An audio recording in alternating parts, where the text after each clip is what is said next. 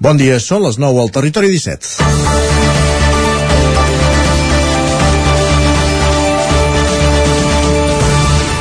En els darrers mesos hem parlat molt sovint dels increments dels costos de producció al sector primari. Ho hem fet per explicar que aquest increment de costos derivat de l'augment del preu del cereal i de l'energia fa insostenible una explotació lletera si es té en compte que la indústria de la llet i de la distribució no ho repercuteix en el que paga per un litre de llet. En aquests temps s'han fet petits passos com el de Terra i Tast de Baquers de Plana de Vic, que ven bon preu, o la de la cooperativa de Camp Llom, que des de fa unes setmanes és a les estanteries dels Lidl. El preu del cereal i de l'energia torna a estar d'actualitat arran de la invasió russa sobre Ucraïna. Els dos països són els principals productors mundials de cereals i Rússia ho és també de gas i petroli. L'amenaça d'Occident sobre Rússia de deixar-los de comprar ha obert la porta a l'especulació i els preus s'han disparat a les principals borses i ja repercuteixen a la butxaca del consumidor. En tres setmanes hem vist com puja tot. La gasolina arriba al llindar dels 2 euros. Pel cereal, del qual encara hi ha estoc i s'estan fent gestions per comprar-lo en altres països productors com Estats Units o Argentina, perquè amb el, Brasil, amb el del Brasil ja s'hi compta que és l'alternativa a Ucraïna durant els mesos d'estiu i tardor, hem vist increments superiors al 50% en poques setmanes. Ara bé, d'aquí a l'apocalipsi que han viscut alguns supermercats aquest cap de setmana, a partir de missatges infundats a les xarxes socials, n'hi ha un tros. I el gas, tot i que a l'estat espanyol de rus n'hi arriba poc, ha contribuït també en un nou augment de l'electricitat, que tensiona butxaques i petites comercialitzadores perquè, tot i que només el 20% d'energia que genera a través del cicle combinat, el preu del gas continua sent el valor que marca el de l'electricitat. És una mostra més que la guerra juga en molts escenaris i que ens acaba implicant en molts aspectes. Dilluns, 14 de març de 2022, comença el Territori 17 a la sintonia de Ràdio Cardedeu, Ona Codinenca, la veu de Sant Joan, Ràdio Vic, el 9 FM i el 9 TV. Territori 17, amb Isaac Moreno i Jordi Sunyer.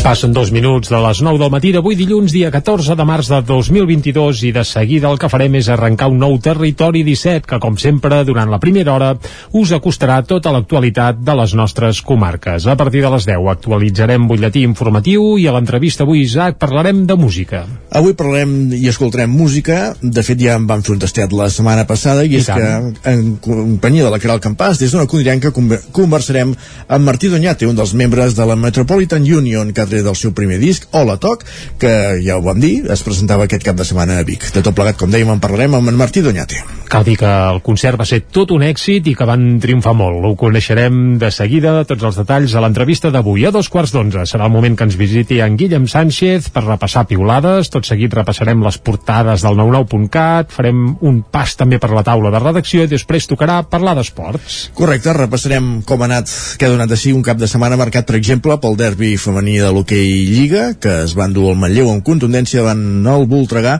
i d'altres aspectes de l'actualitat esportiva del cap de setmana a les nostres comarques. A les 11 actualitzarem de nou butlletí informatiu i tot seguit serà el torn dels solidaris. Avui amb l'Adrià Oliveres des de Ràdio Vic parlant sobre la fibromiàlgia.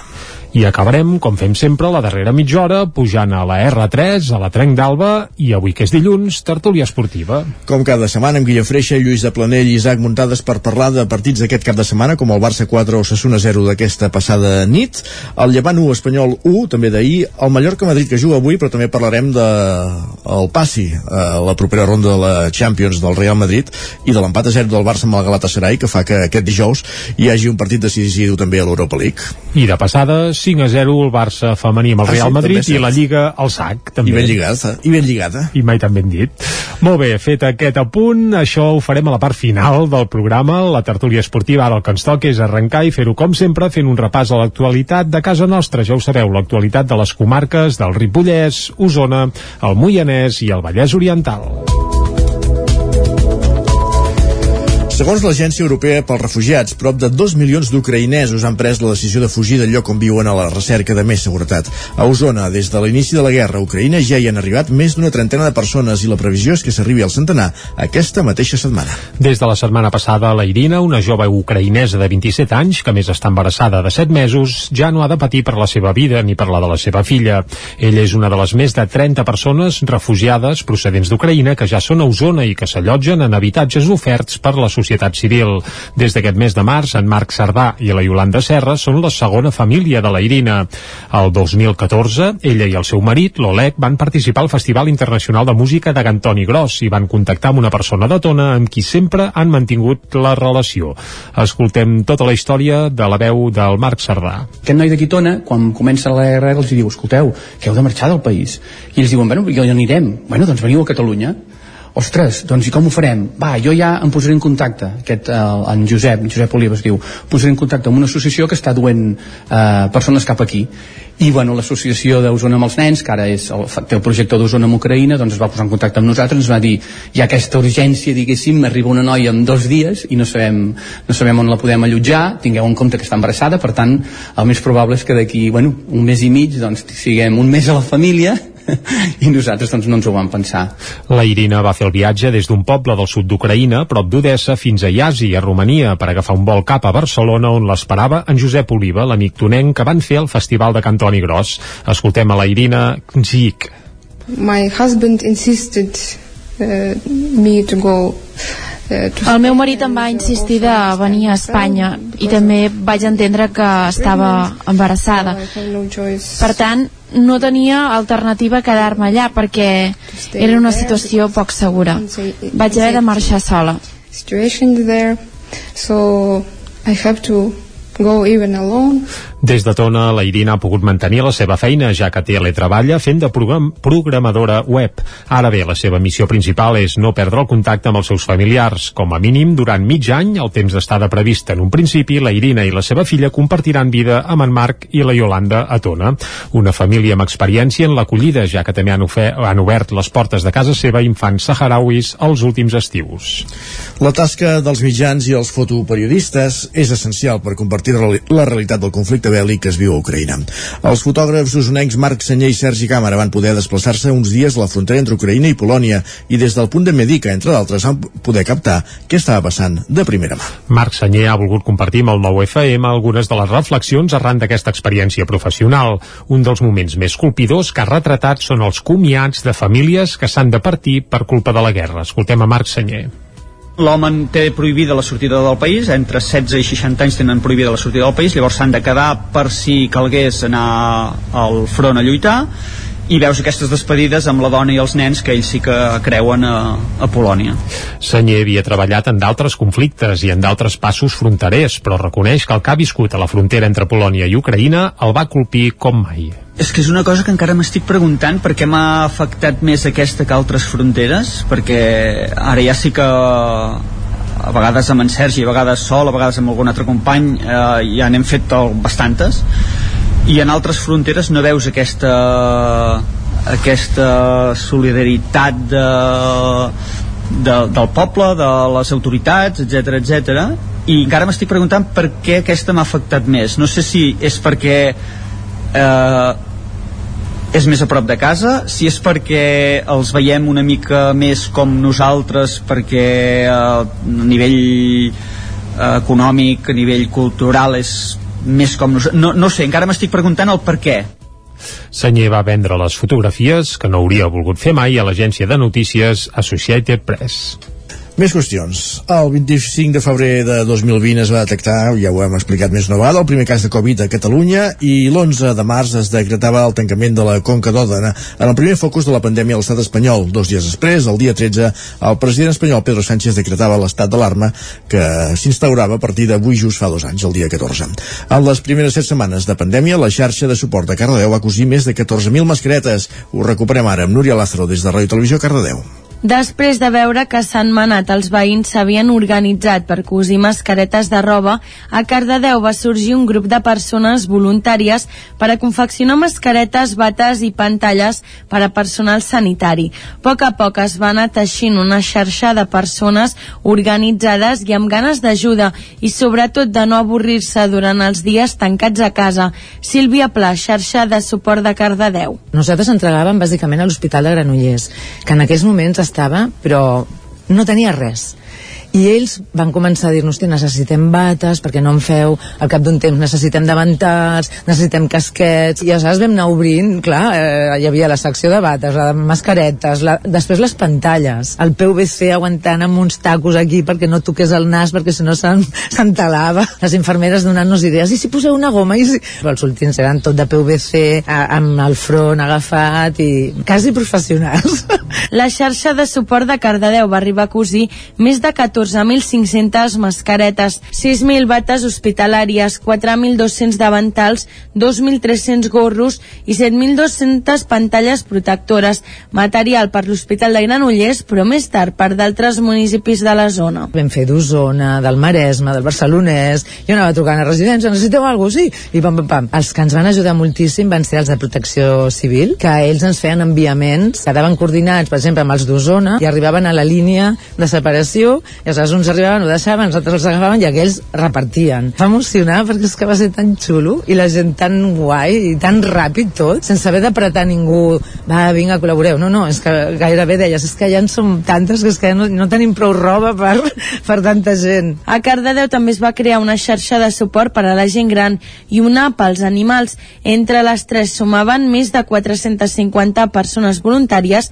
disposades a ajudar en temps difícils. Un cop coneguda la sentència contra el jove d'aquell d'Atenes, Roger Aguayo, més d'una cinquantena de persones s'han trobat aquest dijous per donar-li suport, un cop coneguda, com dèiem, la seva sentència. Aguayo ha estat condemnat per l'Audiència de Barcelona un any i mig de presó que no haurà de complir perquè no té antecedents. La condemna és per un delicte d'atemptat a l'autoritat contra dos Mossos que s'hauria comès el 21 de febrer del 2019 en el marc de les protestes per l'inici del judici de l'1 d'octubre. Aguayo també haurà de fer front a una multa de més de 5.000 euros per responsabilitat civil i 360 per cada delicte de lesions. Del càrrec per desordres públics, en canvi, en va resultar absolt. Durant la concentració, Aguayo va agrair el suport que ha rebut i va fer una crida a continuar les mobilitzacions.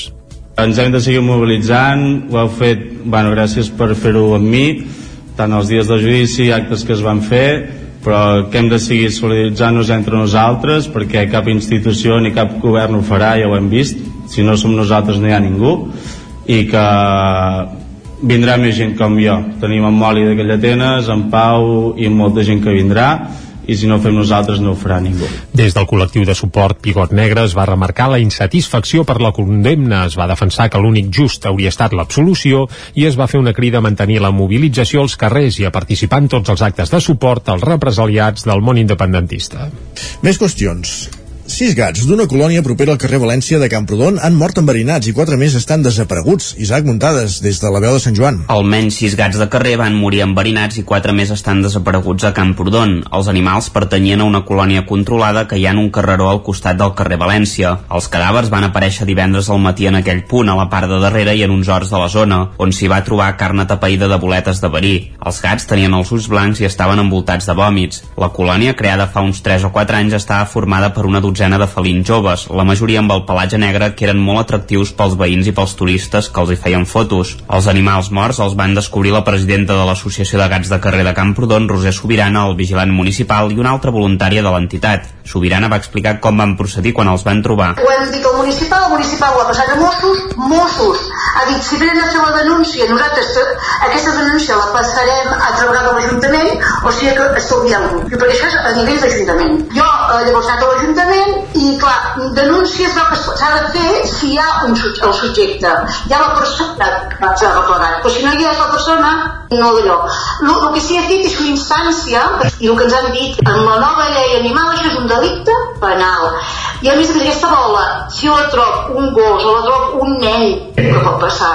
Jo saps què faria? Posaria càmeres de tot arreu, ho sento molt, perquè això és molt perillós. L'associació de voluntaris es va crear l'any 2013 per unes 4 o 5 persones de Camprodon per tenir més control d'aquests animals. A través de loteries i rifes anaven esterilitzant els gats i endreçant les colònies i en 4 anys van revertir la situació, però els diners se'ls els van acabar i el 2018 van deixar-ho córrer, tot i que ja havien fet tota la feina. Els últims anys tot va tornar enrere, però farà un any que l'Ajuntament va posar-se les piles i va abocar-hi diners. Precisament el consistori va pagar l'esterilització d'aquesta colònia i d'altres gats. Sobirana deia que teòricament només els hi haurien de donar menjar als voluntaris, però ho fa més gent. És possible que l'olor del menjar que dona aquesta gent pugui molestar alguns veïns i això crea una certa enemistat. A Camprodon hi continua havent sis colònies de gats i una quarantena de felins.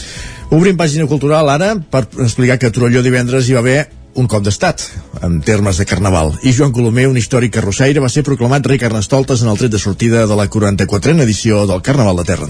Carrossaire històric i cul inquiet, Joan Colomer va ser el responsable dels dissenys més atrevits i trencadors que va tenir la carrossa del rei Carnestoltes a la dècada dels 90. També és un apassionat de la música i la tècnica, motiu pel qual va rebre amb satisfacció l'ordre de procurar no rebentar els altaveus durant les jornades de disbauxa a Torelló que es viuran entre els dies 24 i 30 de març. L'espectacle de presentació del Carnaval, on es va proclamar el nou rei, es va fer divendres al vespre a un teatre sirvianum de Torelló ple de gom a gom. I la formació musical Metropolitan Union ha publicat el seu primer disc, que precisament es va presentar aquest diumenge en un concert a l'Atlàntida de Vic. Un dels cantants d'aquest grup d'estil barbershop és el músic calderí Martí Doñate, que era el campàs des d'Ona Codinenca. Metropolitan Union és una de les poques formacions catalanes que interpreten el barbershop, un estil musical de cana capella molt popular als Estats Units durant els anys 40. Després d'un temps interpretant concerts en diferents sales del país, recentment han publicat el seu primer CD, All Attack, presentat oficialment aquest diumenge a l'Atlàntida de Vic. Sentim Martí Doñate Calderí i Alma Mater del grup com que és el nostre primer CD, vam voler que hi haguessin una mica el repertori o les peces que cantàvem en els inicis del quartet, perquè ara cantem altres tipus de cançons, també evidentment barbershop, però no estan tan enfocades com en aquest primer CD, que és un, un estil molt més clàssic de, de, de l'estil barbershop. Per això hem tret aquest repertori més clàssic eh, i sí que hi ha algunes versions de, de Simon Garfunkel, de, de l'Elvis, d'alguna pel·li de, de Disney o Pixar però pràcticament la resta són eh, cançons eh, originals i super eh, clàssiques diguéssim del barbershop per, per donar importància a l'inici del grup. A més el grup ha creat un espectacle per les escoles i a banda dels seus concerts habituals actua regularment en centres escolars de la Catalunya central. Doñat explica els projectes del grup que passen per la fusió entre el barbershop i la tradició catalana. A part d'estrenar el CD i donar-lo a conèixer tenim algunes altres propostes com de segon CD o d'espectacle que seria agafar cançons tradicionals catalanes i demanar-los a, a compositors catalans que ens les arrengin, que ens les arreglin amb estil barbershop, perquè no hi ha pràcticament res de música barbershop en català i ens agradaria portar a l'espectacle i, per, i per arribar a tot el públic amb cançons més conegudes d'aquí que creiem que pot ser una molt bona idea. El nou CD de Metropolitan Union l'ha produït el mateix grup, s'ha gravat a l'Escolania de Montserrat i el publica el segell Microscopi. I en Martí Doñate que en parlarem a partir d'un quart d'onze, com dèiem a l'entrevista. Gràcies, Caral. Acabem aquí aquest repàs informatiu, moment ara de conèixer la previsió meteorològica.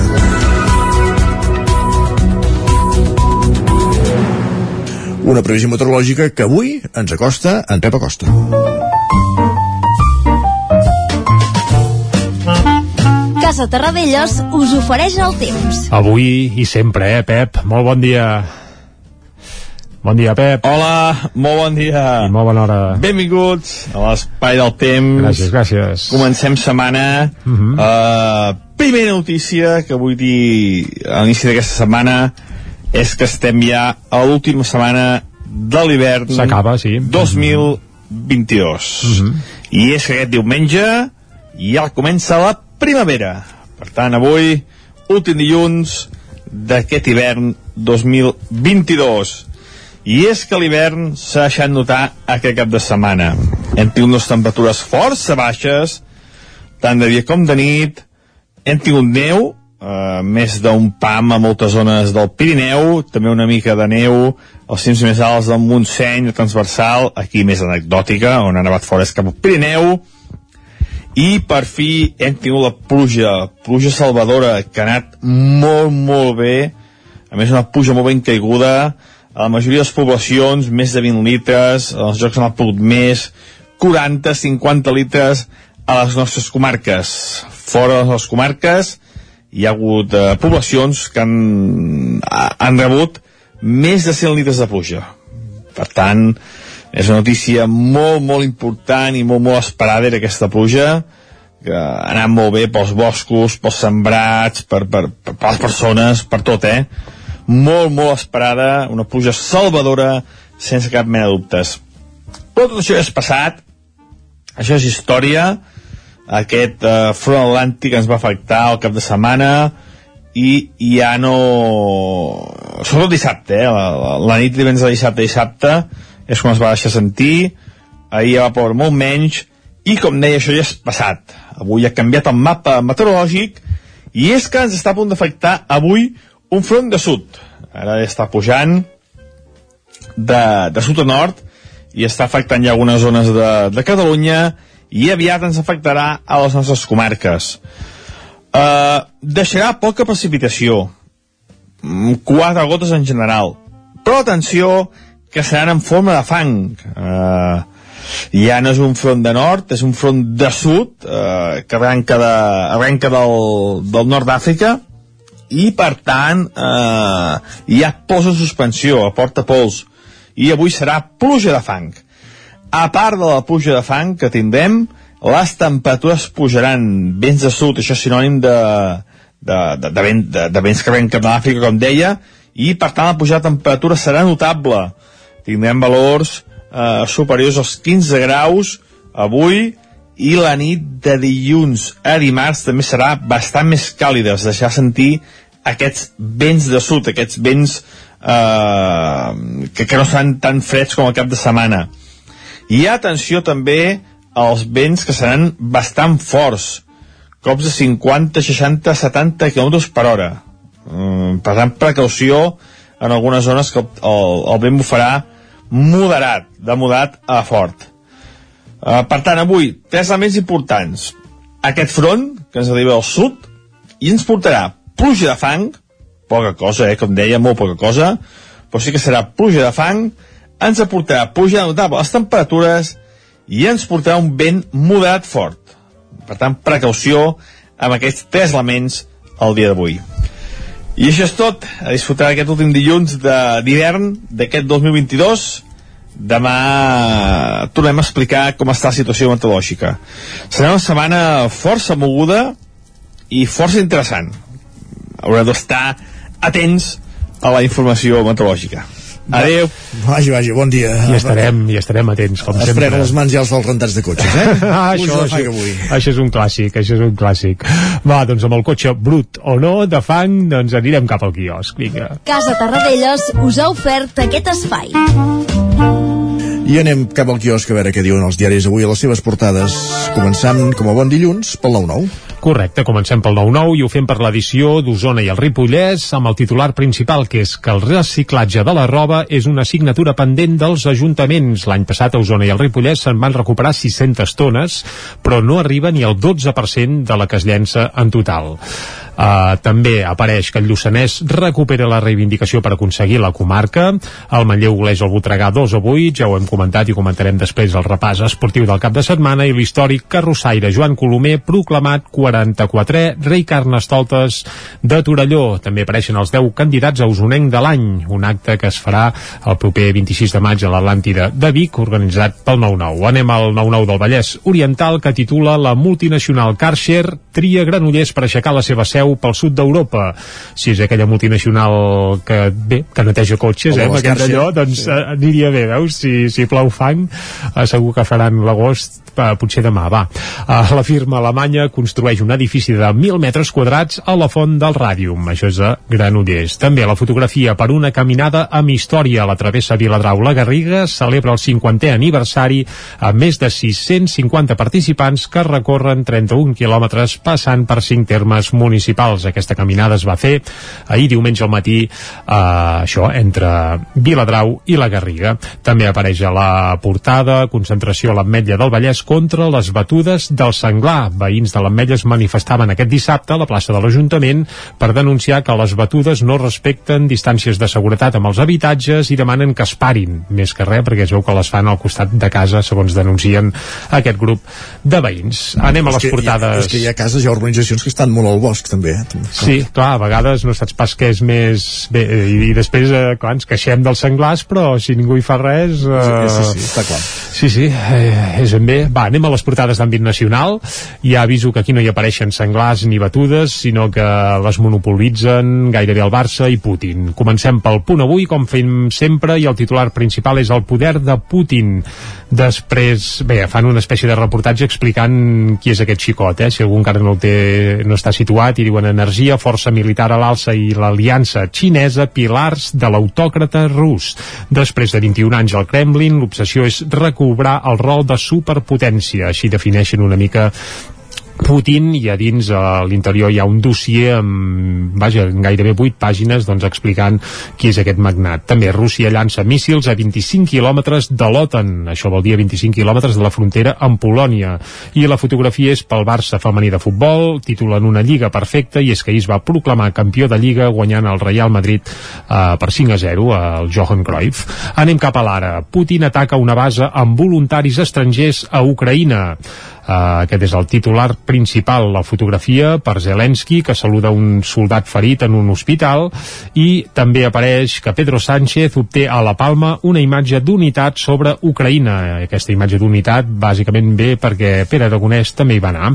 A l'avantguàrdia, Sánchez anuncia rebaixes fiscals i fons per als refugiats. Ho va anunciar ahir a La Palma, precisament a la conferència de presidents autonòmics que es va tancar amb acords de mínims en espera que el govern central concreti les seves propostes propostes. També apareix a la fotografia el Barça femení que conquereix la seva setena lliga. Anem cap al periòdico. Rússia bombardeja a la frontera amb l'OTAN. Aquest és el titular principal i la fotografia per això pel Barça femení i titulen un equip de llegenda. I en un minutet farem un repàs a les portades que s'editen des de Madrid. Comencem pel país. Putin bombardeja el territori OTAN. Bé, més que el territori OTAN seria a 25 quilòmetres, però ells ja diuen el bombardegi. S'acosta, s'acosta. Sí, s'acosta, s'acosta. El poble polonès que va tremolar amb l'atac. Això també en una crònica al diari El País. A l'ABC, Rússia bombardeja a 25 quilòmetres del territori OTAN. La fotografia per això és per Feijó, que arranca a Sánchez una abaixada d'impostos. És a dir, que ja comença a fer feina, segons l'ABC. El Mundo, cop mortal de Putin a l'ajuda militar d'Occident a Ucraïna i el PP recupera terreny després de la seva crisi de lideratge amb un PSOE estancat. Això segons unes enquestes que evidentment eh, publiquen ells, com, com passa sovint, i acabem fent un cop d'ull a la Razón. Rússia provoca a l'OTAN i ataca una base a, a prop de Polònia i Pedro Sánchez també hi apareix i diuen Sánchez anuncia una baixada d'impostos que demanava el PP. Doncs vinga. Ja està, si demana el PP, fem-ho, vinga, i tant. La influència de Feijó. Arribem a aquest punt per fer una pausa. Al restaurant Xavito Gastro de Vic hi trobaràs una cuina mediterrània i de mercat amb gran varietat de plats, amb arrossos, carn o peix fresc de la llotja cada dia. Vine a dinar de dimarts a divendres i prova el nostre menú diari per només 15 euros o a les nits de dijous a diumenge tastar el nostre menú degustació amb arrossos i tapes per 25 euros. Restaurant Xamito Gastro. Ens trobaràs al carrer Call Nou número 9 de Vic i al telèfon 93 094 1172 o al 747 42 92 58. Cobertes serveis funeraris. Els nostres tanatoris estan ubicats en els nuclis urbans més poblats de la comarca d'Osona per oferir un millor servei. Tanatori de Vic, Tanatori de Manlleu, Tanatori de Centelles i Tanatori de Roda de Ter. Sabem que són moments difícils i per això el nostre compromís és atendre-us en tot moment amb un tracte humà, sensible i respectuós. Cobertes serveis funeraris. Telèfon 24 hores 93 883 23 46. El racó de León ja és primavera. Gaudeix de la nostra terrassa. Vine a tastar les xuletilles de lechal a la brasa amb una bona amanida o el xuletón de vedella gallega. No et pots perdre el nostre lechado de Castilla al forn o el cochinillo a l'estil de Segovia. Tot acompanyat del millor celler, al menjador o fora la terrassa. Descobreix la millor cuina de Lleó sense moure't de casa. Vine amb la família, els amics, la parella o sol. T'encantarà. El racó de León, cuina tradicional lleonesa i de mercat. Som al carrer Torelló número 35 de Vic. Per reserves, telèfon 93 889 1950. El racó de León, una cuina diferent. Del 13 al 20 de març torna el Carnaval de Centelles.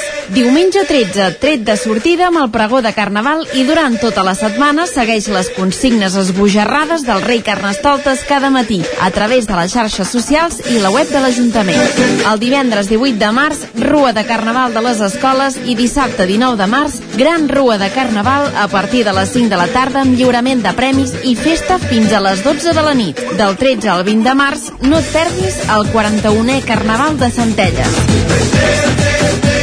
Això és el que s'escolta al voltant d'una caldera saunia d'Oval. Tranquilitat i benestar, perquè gaudeix del millor manteniment del servei tècnic oficial per estar despreocupat. O el que vulgui. Informis a Oficiat Nord trucant al 938860040. Saunia d'Oval, sempre al seu costat. Anuncia't al 9FM. La màquina de casa. 9 3 8 8 9 4 9 4 9. Publicitat arroba al 9FM.cat. Anuncia't al 9FM. La publicitat més eficaç. En punt, dos quarts de deu. Territori 17, amb Isaac Moreno i Jordi Sunyer.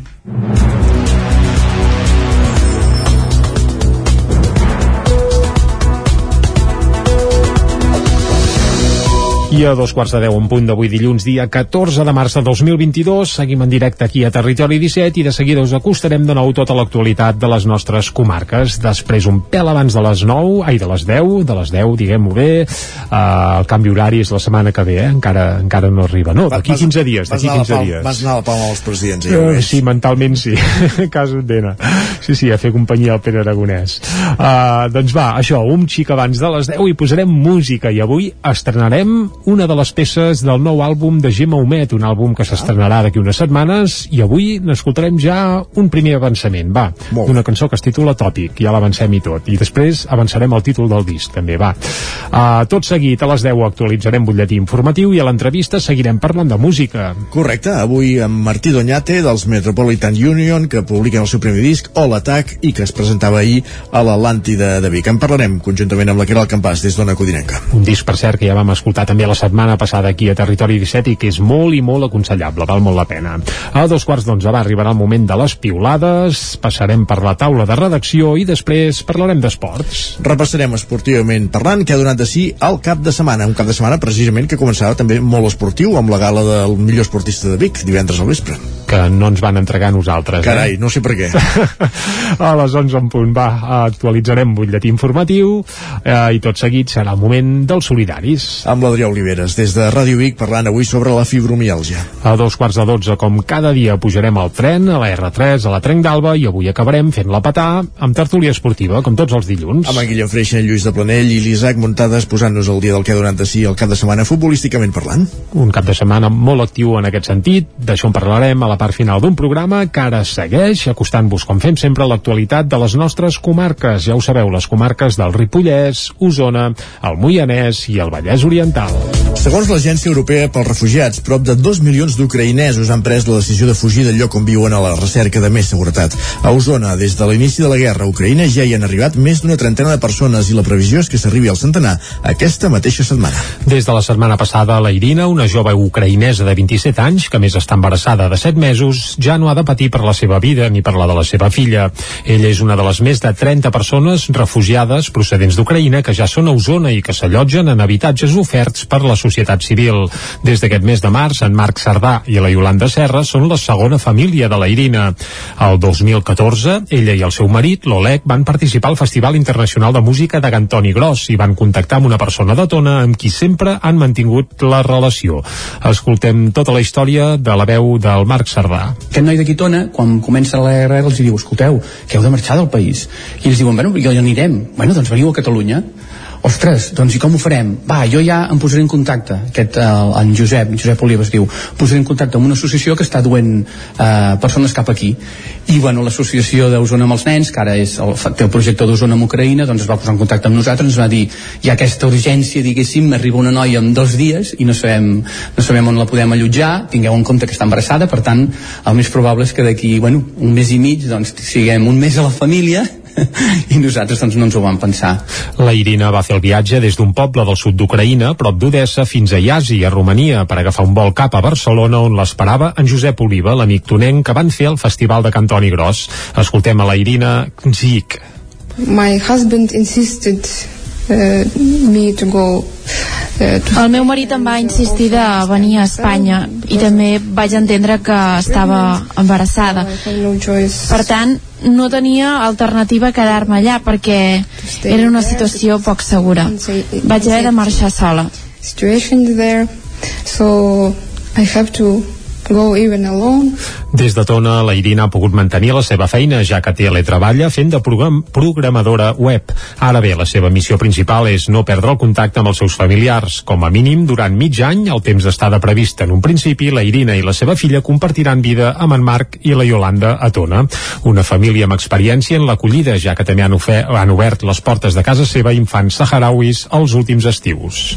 La tasca dels mitjans i els fotoperiodistes és essencial per compartir la realitat del conflicte bèl·lic que es viu a Ucraïna. Els fotògrafs usonencs Marc Senyer i Sergi Càmera van poder desplaçar-se uns dies a la frontera entre Ucraïna i Polònia i des del punt de Medica, entre d'altres, van poder captar què estava passant de primera mà. Marc Senyer ha volgut compartir amb el nou FM algunes de les reflexions arran d'aquesta experiència professional. Un dels moments més colpidors que ha retratat són els comiats de famílies que s'han de partir per culpa de la guerra. Escoltem a Marc Senyer l'home té prohibida la sortida del país, entre 16 i 60 anys tenen prohibida la sortida del país, llavors s'han de quedar per si calgués anar al front a lluitar, i veus aquestes despedides amb la dona i els nens que ells sí que creuen a, a Polònia. Senyer havia treballat en d'altres conflictes i en d'altres passos fronterers, però reconeix que el que ha viscut a la frontera entre Polònia i Ucraïna el va colpir com mai. És que és una cosa que encara m'estic preguntant per què m'ha afectat més aquesta que altres fronteres, perquè ara ja sí que a vegades amb en Sergi, a vegades sol, a vegades amb algun altre company, eh, ja n'hem fet bastantes, i en altres fronteres no veus aquesta aquesta solidaritat de, de, del poble, de les autoritats, etc etc. i encara m'estic preguntant per què aquesta m'ha afectat més. No sé si és perquè eh, és més a prop de casa, si és perquè els veiem una mica més com nosaltres, perquè eh, a nivell eh, econòmic, a nivell cultural és més com nosaltres. No, no sé, encara m'estic preguntant el per què. Senyer va vendre les fotografies, que no hauria volgut fer mai, a l'agència de notícies Associated Press. Més qüestions. El 25 de febrer de 2020 es va detectar, ja ho hem explicat més una vegada, el primer cas de Covid a Catalunya i l'11 de març es decretava el tancament de la Conca d'Òdena en el primer focus de la pandèmia a l'estat espanyol. Dos dies després, el dia 13, el president espanyol Pedro Sánchez decretava l'estat d'alarma que s'instaurava a partir d'avui just fa dos anys, el dia 14. En les primeres set setmanes de pandèmia, la xarxa de suport de Cardedeu va cosir més de 14.000 mascaretes. Ho recuperem ara amb Núria Lázaro des de Ràdio Televisió Cardedeu. Després de veure que s'han manat els veïns s'havien organitzat per cosir mascaretes de roba, a Cardedeu va sorgir un grup de persones voluntàries per a confeccionar mascaretes, bates i pantalles per a personal sanitari. A poc a poc es va anar teixint una xarxa de persones organitzades i amb ganes d'ajuda i sobretot de no avorrir-se durant els dies tancats a casa. Sílvia Pla, xarxa de suport de Cardedeu. Nosaltres entregàvem bàsicament a l'Hospital de Granollers, que en aquells moments estava, però no tenia res. I ells van començar a dir-nos necessitem bates perquè no en feu. Al cap d'un temps necessitem davantals necessitem casquets. I aleshores vam anar obrint clar, eh, hi havia la secció de bates la de mascaretes, la, després les pantalles el PVC aguantant amb uns tacos aquí perquè no toqués el nas perquè si no s'entalava les infermeres donant-nos idees i si poseu una goma? I si... però els últims eren tot de PVC a, amb el front agafat i quasi professionals. La xarxa de suport de Cardedeu va arribar va cosir més de 14.500 mascaretes, 6.000 bates hospitalàries, 4.200 davantals, 2.300 gorros i 7.200 pantalles protectores, material per l'Hospital de Granollers, però més tard per d'altres municipis de la zona. Vam fer d'Osona, del Maresme, del Barcelonès, jo anava trucant a residència, necessiteu alguna cosa? Sí, i pam, pam, pam. Els que ens van ajudar moltíssim van ser els de protecció civil, que ells ens feien enviaments, quedaven coordinats, per exemple, amb els d'Osona, i arribaven a la línia de separació, i aleshores uns arribaven, ho deixaven, els altres els agafaven i aquells repartien. Va emocionar perquè és que va ser tan xulo i la gent tan guai i tan ràpid tot, sense haver d'apretar ningú, va, vinga, col·laboreu. No, no, és que gairebé deies, és que ja en som tantes que és que no, no tenim prou roba per, per tanta gent. A Cardedeu també es va crear una xarxa de suport per a la gent gran i una pels animals. Entre les tres sumaven més de 450 persones voluntàries disposades a ajudar en temps difícils. Un cop coneguda la sentència contra el jove de Callatenes, Roger Aguayo, més d'una cinquantena de persones s'han trobat aquest dijous per donar-li suport, un cop coneguda, com dèiem, la seva sentència. Aguayo ha estat condemnat per l'Audiència de Barcelona un any i mig de presó que no haurà de complir perquè no té antecedents. La condemna és per un delicte d'atemptat a l'autoritat contra dos Mossos que s'hauria comès el 21 de febrer del 2019 en el marc de les protestes per l'inici del judici de l'1 d'octubre. Aguayo també haurà de fer front a una multa de més de 5.000 euros per responsabilitat civil i 360 per cada delicte de lesions. Del càrrec per desordres públics, en canvi, en va resultar absolt. Durant la concentració, Aguayo va agrair el suport que ha rebut i va fer una crida a continuar les mobilitzacions.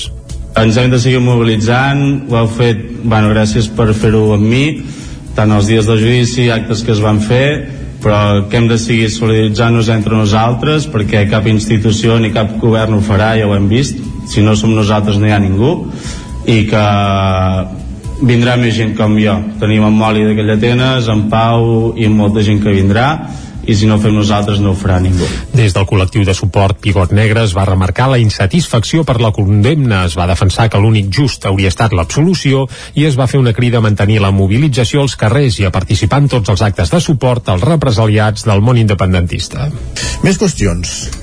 Sis gats d'una colònia propera al carrer València de Camprodon han mort enverinats i quatre més estan desapareguts. Isaac Muntades, des de la veu de Sant Joan. Almenys sis gats de carrer van morir enverinats i quatre més estan desapareguts a Camprodon. Els animals pertanyien a una colònia controlada que hi ha en un carreró al costat del carrer València. Els cadàvers van aparèixer divendres al matí en aquell punt, a la part de darrere i en uns horts de la zona, on s'hi va trobar carn atapeïda de boletes de verí. Els gats tenien els ulls blancs i estaven envoltats de vòmits. La colònia, creada fa uns 3 o 4 anys, estava formada per una dotzena de felins joves, la majoria amb el pelatge negre que eren molt atractius pels veïns i pels turistes que els hi feien fotos. Els animals morts els van descobrir la presidenta de l'Associació de Gats de Carrer de Camprodon, Roser Sobirana, el vigilant municipal i una altra voluntària de l'entitat. Sobirana va explicar com van procedir quan els van trobar. Ho hem dit al municipal, el municipal ho ha passat a Mossos, Mossos ha dit si venen a fer la denúncia, nosaltres aquesta denúncia la passarem a treballar amb l'Ajuntament, o sigui que estalviar algú. I per això és a nivell d'Ajuntament. Jo eh, llavors anat a l'Ajuntament i clar, denúncia és el que s'ha de fer si hi ha un, el subjecte. Hi ha la persona que va fer reclamar, però si no hi ha la persona, no d'allò. El, el que que he fet és una instància, i el que ens han dit, en la nova llei animal això és un delicte penal. I a més aquesta bola, si la trob un gos o la trob un nen, què pot passar? Jo saps què faria? Posaria càmeres de tot arreu, ho sento molt, perquè això és molt perillós. L'associació de voluntaris es va crear l'any 2013 per unes 4 o 5 persones de Camprodon per tenir més control d'aquests animals. A través de loteries i rifes anaven esterilitzant els gats i endreçant les colònies i en 4 anys van revertir la situació. Però els diners se'ls van acabar i el 2018 van deixar-ho córrer, tot i que ja havien fet tota la feina. Els últims anys tot va tornar enrere, però farà un any que l'Ajuntament va posar-se les piles i va abocar-hi diners. Precisament el consistori va pagar l'esterilització d'aquesta colònia i d'altres gats. Sobirana deia que teòricament només els hi haurien de donar menjar als voluntaris, però ho fa més gent. És possible que l'olor del menjar que dona aquesta gent pugui molestar alguns veïns i això crea una certa enemistat. A Camprodon hi continua havent sis colònies de gats i una quarantena de felins. Obrim pàgina cultural ara per explicar que a Torelló divendres hi va haver un cop d'estat. en termes de carnaval. I Joan Colomer, un històric carrossaire, va ser proclamat rei Carnestoltes en el tret de sortida de la 44a edició del Carnaval de Terra.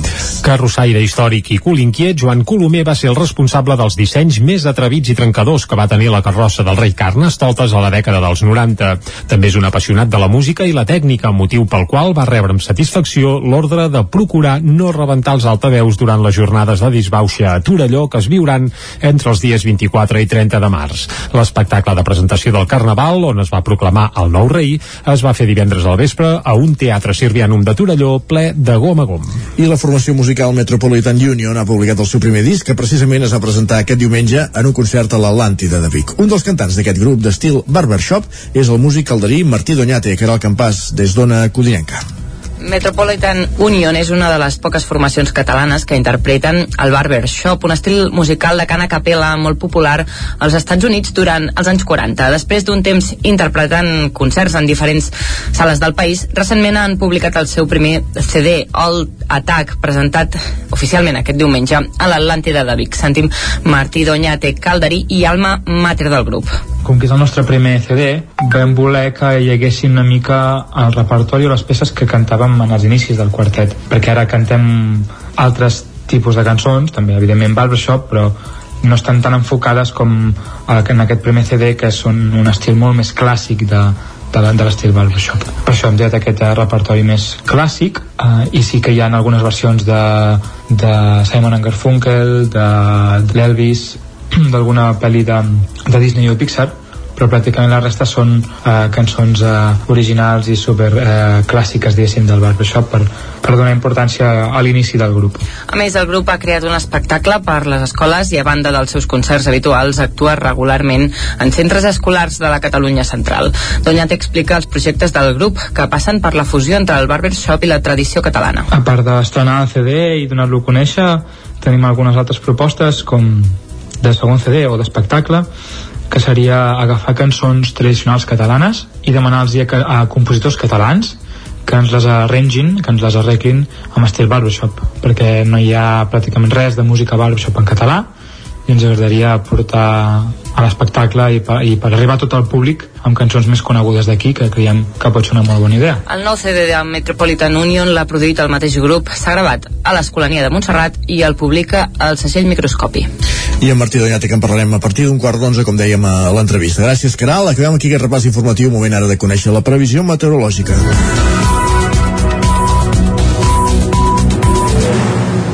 Una previsió meteorològica que avui ens acosta en Pep Acosta.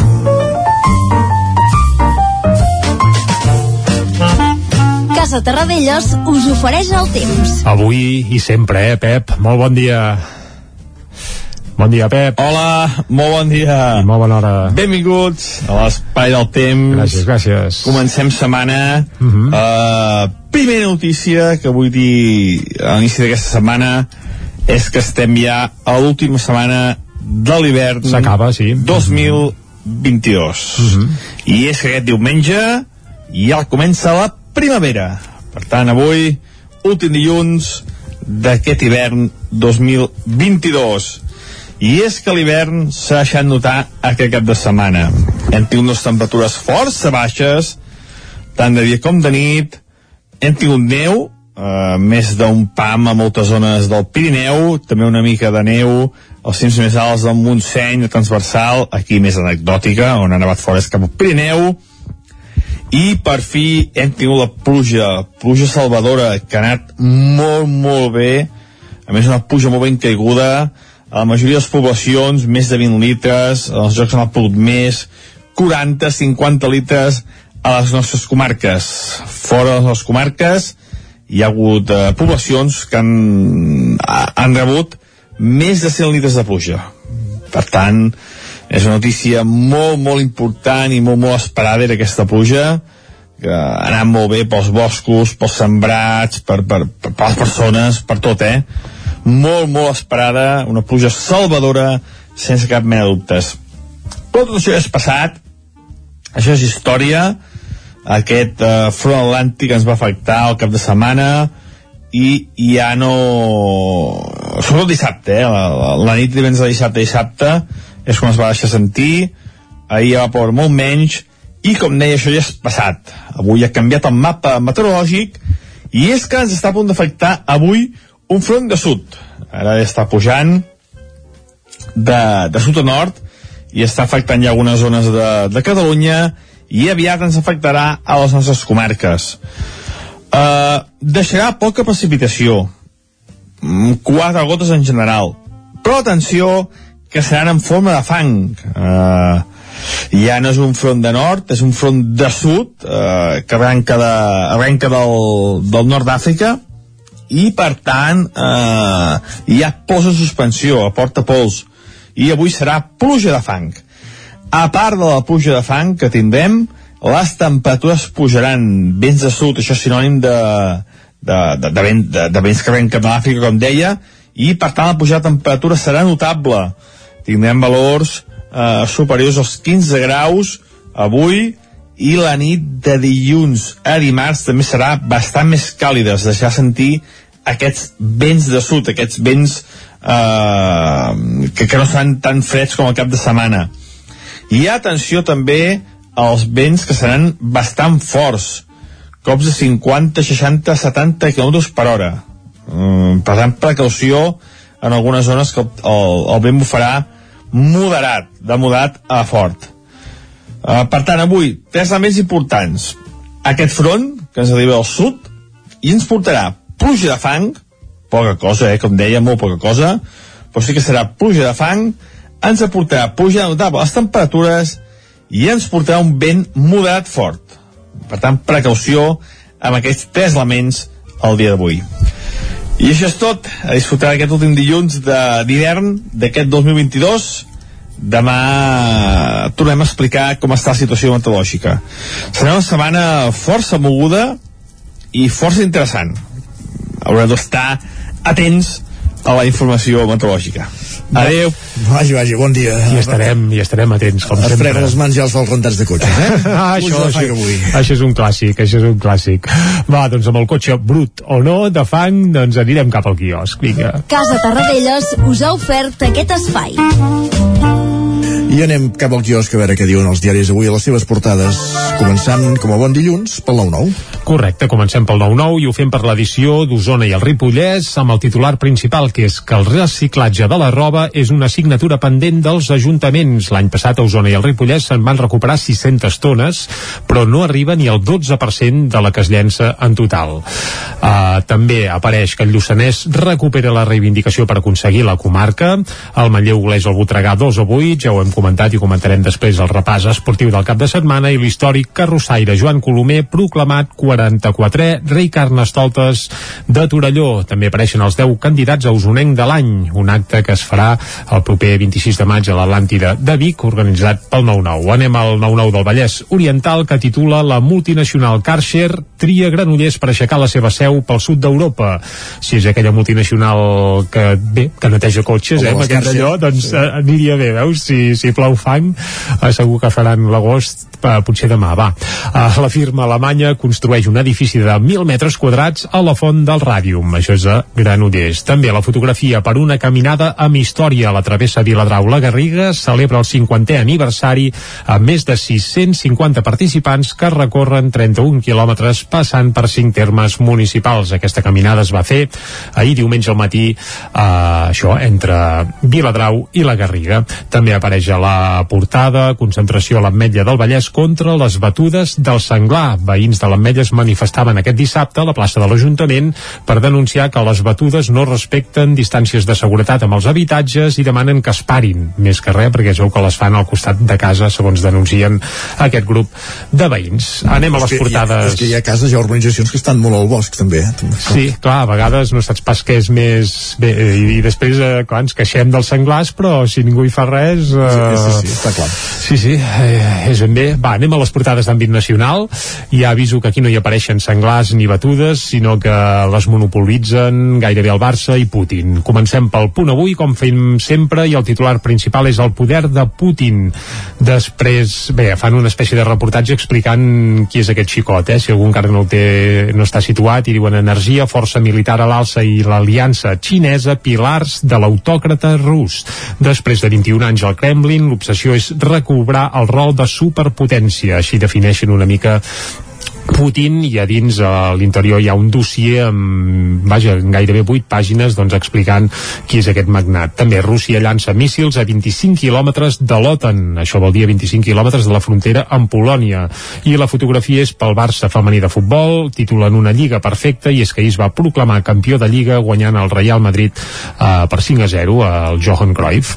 Anem cap a l'ara. Putin ataca una base amb voluntaris estrangers a Ucraïna. Eh, aquest és el titular principal, la fotografia per Zelensky, que saluda un soldat ferit en un hospital, i també apareix que Pedro Sánchez obté a la Palma una imatge d'unitat sobre Ucraïna. Aquesta imatge d'unitat bàsicament ve perquè Pere Aragonès també hi va anar. A l'avantguàrdia, Sánchez anuncia rebaixes fiscals i fons per als refugiats. Ho va anunciar ahir a la Palma, precisament a la conferència de presidents autonòmics que es va tancar amb acords de mínims en espera que el govern central concreti les seves propostes. També apareix a la fotografia el Barça femení que conquereix la seva setena lliga. Anem cap al periòdico. Rússia bombardeja a la frontera amb l'OTAN. Aquest és el titular principal i la fotografia per això pel Barça femení i titulen un equip de llegenda. I en un minutet farem un repàs a les portades que s'editen des de Madrid. Comencem pel país. Putin bombardeja el territori OTAN. Bé, més que el territori OTAN seria a 25 quilòmetres, però ells ja diuen el bombardeig. S'acosta, s'acosta. Sí, s'acosta, s'acosta. El poble polonès que va tremolar amb l'atac. Això també en una crònica al diari El País. A l'ABC, Rússia bombardeja a 25 quilòmetres del territori OTAN. La fotografia per això és per Feijó, que arranca a Sánchez una abaixada d'impostos. És a dir, que ja comença a fer feina, segons l'ABC. El Mundo, cop mortal de Putin a l'ajuda militar d'Occident a Ucraïna i el PP recupera terreny després de la seva crisi de lideratge amb un PSOE estancat. Això segons unes enquestes que evidentment eh, publiquen ells, com com passa sovint, i acabem fent un cop d'ull a la Razón. Rússia provoca a l'OTAN i ataca una base a, prop de Polònia i Pedro Sánchez també hi apareix i diuen Sánchez anuncia una baixada d'impostos que demanava el PP. En Feijó ja fa feina, eh? Quan... Oita, sí, sí, encara no és oficialment uh, l'amo gros a Can PP, però ja, ja, escolta, ja, ja, ja fa... Ja s'han ben oblidat d'encaixar tan amics que eren aquests del PP amb ell fa 15 dies. Eh? Ah, escolta, Fins abans de les eleccions pues que goita en Feijó, que bo que és dir, de Castella i Lleó, exacte, és que, és que en Feijó, abans de portar la batuta del partit, ja fins i tot obliga en Pedro Sánchez a baixar impostos. Bé, això segons la versió de, de, de la darrera capçalera que hem, que hem llegit, la l'ABC. avui, correcte, va. Uh, escolta, deixem el tema capçaleres, Sí, feijós, segur. PPs i allò, sí, sí, posem-hi música, que sempre és força més interessant, i avui hem avançat que tenim una estrena mundial, i és que la santallenca Gemma Humet, d'aquí res, d'aquí un meset uh, comptat, presentarà el seu nou disc en solitari, un nou disc que ja podem avançar com es titularà. És un títol llarguet, eh? Es, titula, es titularà, vaja, Com vols que et parli jo de l'amor? Així em pregunta, eh? Com Cantant, vols que et cantant, parli jo de l'amor? Exacte, exacte, canta, canta, canta i així els mals eh, espanta els seus i els, i els de tots plegats. Doncs bé, aquest nou disc l'han registrat de nou amb Jordi Casa de Sus, de productor i de tècnic de so, per tant s'han registrat a Centelles mateix, als estudis Font d'Oliola, que té el Jordi Casa de Sus, exmembre de la iaia i moltes altres formacions. Eh, el penúltim disc de la Gemma Humet, el Màtria, també ja l'havia gravat amb el Jordi, em va quedar tan contenta que ha repetit una mica, i el que podem dir és que ara mateix estrenarem una de les peces d'aquest eh, nou disc. La peça es titula Tòpic i ens deixa entreveure doncs, que el, diguem que l'experiment que va fer amb Matri amb el Jordi Casa de Sus de, bé, d'introduir una mica l'electrònica, molts sintetitzadors, sons molt contemporanis amb una veu molt clàssica com és la de la Gemma Humet doncs segueix en aquesta línia. Segurament trobarem una mica més de barroquisme una mica més d'instrumentació en aquest nou disc uh, però la veritat és que la línia encetada amb aquest Màtria doncs podem dir que, que el fil segueix. I avançar també que aquest nou disc s'estrenarà en directe a l'Atlàntida de Vic d'aquí a ben poc, a principis del proper eh, mes de març. I ara ja estem escoltant de fons aquest tòpic, una de les peces que formaran part del Com vols que et parli jo de l'amor. Uita-la, ja la tenim aquí, va. Amb això arribarem fins al punt de les 10. Sí. Fins ara. Si no et sé estimar, ja no sé estimar. Estic muda,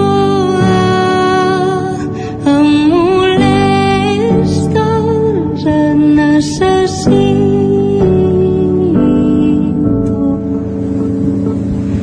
Però d'amor no te'n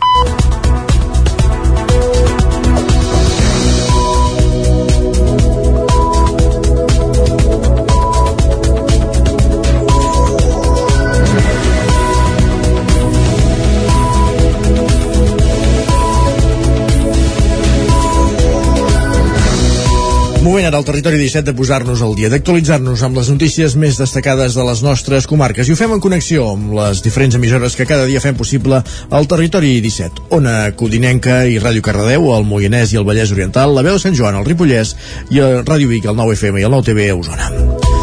Dos ferits per arma de foc en una baralla a Canovelles. Els fets van passar divendres a les dues de la tarda al carrer Sèquia. Núria Lázaro, des de Ràdio Televisió Cardedeu. Dues persones van quedar ferides per trets d'arma de foc aquest divendres cap a les dues de la tarda al carrer Sèquia a Canovelles. Un dels ferits va rebre un impacte a la cama, va estar atès a lloc i traslladat a un centre sanitari. L'altre va patir ferides en un peu pel rebot d'un dels trets. Els Mossos han obert una investigació per identificar i detenir l'autor dels trets. Per ara, però, no hi ha cap persona detinguda en relació amb els fets. El ferit que va ser traslladat a l'hospital va quedar detingut, però per un requeriment judicial que tenia pendent. També s'ha fet un increment de la vigilància a la zona i a l'hospital on ha estat traslladat el ferit. L'alcalde de Canovelles, Emilio Cordero, considera que es tracta d'un fet puntual però greu i reclama més mitjans dels Mossos d'Esquadra per fer-hi front. Déu nhi gràcies. Núria, més qüestions. El secretari general de la UGT, Camil Ros, va ser divendres a Vic per explicar els continguts de la reforma laboral aprovada recentment en una assemblea de delegats comarcals. Divendres al matí, la UGT d'Osona va celebrar una assemblea de delegades i delegats per explicar els detalls de l'acord de la nova reforma laboral. A l'acte hi va intervenir el secretari general de la UGT a Catalunya, Camil Ros, que va exposar els continguts de la reforma. L'escoltem. I nosaltres creiem que és una reforma laboral que avança de manera decidida, sobretot amb aquelles persones que tenen unes pitjors condicions de treball no, al mercat de treball. Ara, per definició, el contracte ja no serà els obres i serveis i contractes temporals que teníem sempre, sinó que serà el contracte indefinit. El canvi en la prioritat aplicativa del conveni empresa vol dir que moltes empreses que estaven pagant salaris per sota de conveni, empreses multiserveis i d'altres, doncs això ja no ho podran fer i hauran de situar el conveni de sector. Camil Ros també va reconèixer que en el marc de la reforma laboral encara hi ha aspectes que s'han de seguir negociant. Ara està sobre la taula si hi ha un acord de rentes i un acord doncs, d'increment de, de salaris amb les patronals, que serà complex perquè amb la situació d'inflació que tenim doncs les patronals sí que volen que ells pujar preus però no volen pujar salaris i per tant faltarà veure si hi ha un punt d'equilibri però sobretot la prioritat evidentment aquest any és l'aplicació pròpiament d'aquests acords laborals. La reforma laboral es va aprovar el passat 28 de desembre al Consell de Ministres espanyol. La regulació dels contractes temporals entrarà en vigor el proper 30 de març. Només es podran aplicar per circumstàncies de producció o per substitució d'un treballador.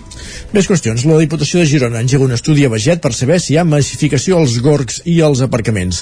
Isaac Muntades, des de la veu de Sant Joan. La Diputació de Girona es va posar al servei de l'Ajuntament de Camprodon per tal de fer un estudi per comprovar si hi ha una sobrefreqüentació de les basses i els aparcaments de Beget. L'estudi a càrrec de la Fundació EMIS va començar fa uns 4 mesos i està previst que en un mes tinguin les conclusions. El Consorci de l'Alta Garrotxa és qui porta les regnes del procés i el consistori l'acompanya. L'alcalde Xavier Guitar va apuntar per què s'havia iniciat l'estudi. Serà les que posaran sobre la taula el que està passant, la sobrefreqüentació que hi ha a tot arreu, m'atreviria a dir d'aquest lloc, si no ve d'ara, eh? sí que és veritat que potser s'ha accentuat amb el Covid perquè hi ha més afluència turística a Beget i als Gorgs, però realment no detectem un conflicte ni un problema, sinó tot el contrari, el que volem és estudiar-ho perquè realment no ens passi com a altres Gorgs i altres llocs, que sí que realment hi ha hagut un problema amb els Gorgs que han hagut d'actuar ràpid, corrents i una mica així. Doncs el que volem és saber com està aquest tema, saber la sobrefreqüentació i sentir d'unes ments expertes com poden ser, en aquest cas, la Universitat de Girona, que ens pugui explicar quines podrien ser les possibles solucions a curt i a llarg termini. L'empresa va tenir una primera reunió amb els veïns i amb el sector privat i tot seguit va passar una enquesta a l'Associació de Veïns de Beget perquè tothom pogués dir la seva.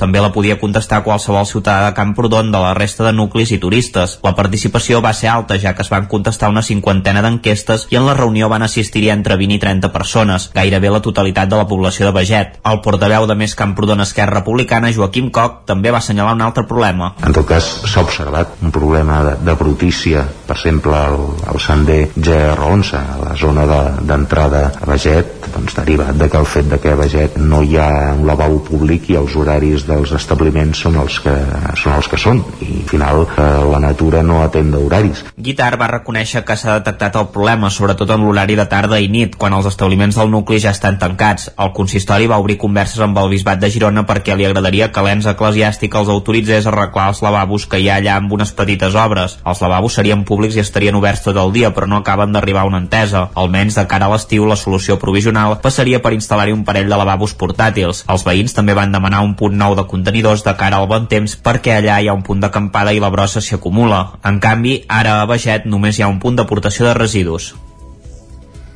Més qüestions. Cuina o barbària és el títol del segon llibre que publica la xef, la cuinera del restaurant El Ferrer de Tall de Vilanova de Sau, Maria Nicolau.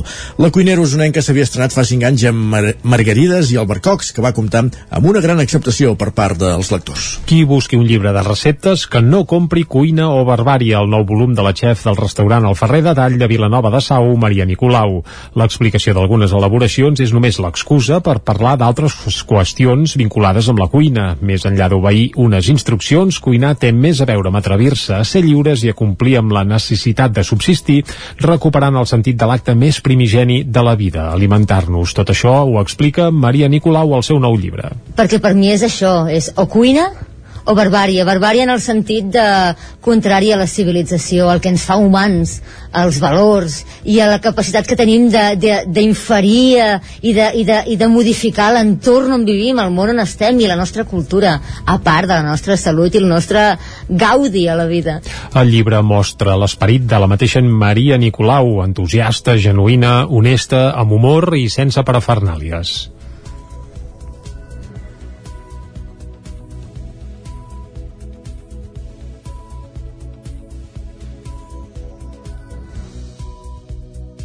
Una cuina que és, que és la que s'ha fet en aquest país a totes les cases fins fa quatre dies i fins fa quatre dies que, que, que ens pensem que la cuina és una cosa molt complicada, eh, com una mena de manualitat divertida i que, i que té una mena de cosa d'estatus social associada i no, no, tot això són pamplines. Fins fa quatre dies l'únic objectiu de la vida d'un home i d'una dona era seguir menjant per aguantar un dia més viu i això això és molt gros.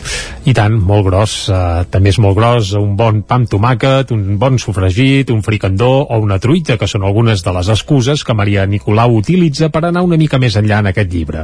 Aquest és el segon volum de La cuinera, que fa cinc anys va debutar amb Margarides i Albercocs.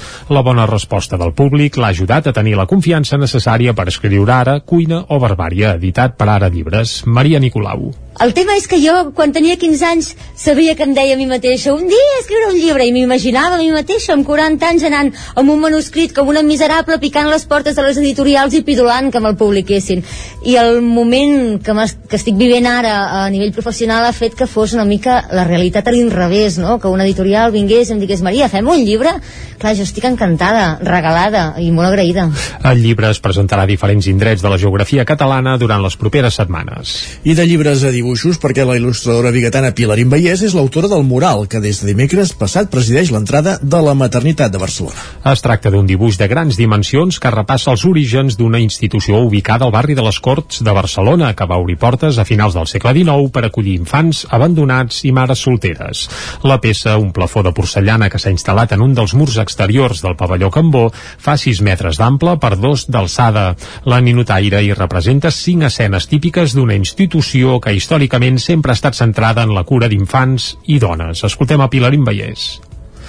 Bé, de moment no podem escoltar la Pilarín Vallès, expliquem també que la inauguració del mural va comptar amb la presència de la mateixa Pilarín i del diputat de Cultura a la Diputació de Barcelona, Joan Carles García Cañizares, que va destacar la importància d'explicar la història de la maternitat no només als infants, sinó també al públic en general. Per cert, relacionat amb la Pilarín, explicar que dilluns que ve, dia 21 de març, s'estrenarà a l'Atlàntida de Vic un documental sobre la seva vida dirigit per Dani Feixes. L'endemà dimarts, aquest documental documental es podrà veure al Sense Ficció de TV3.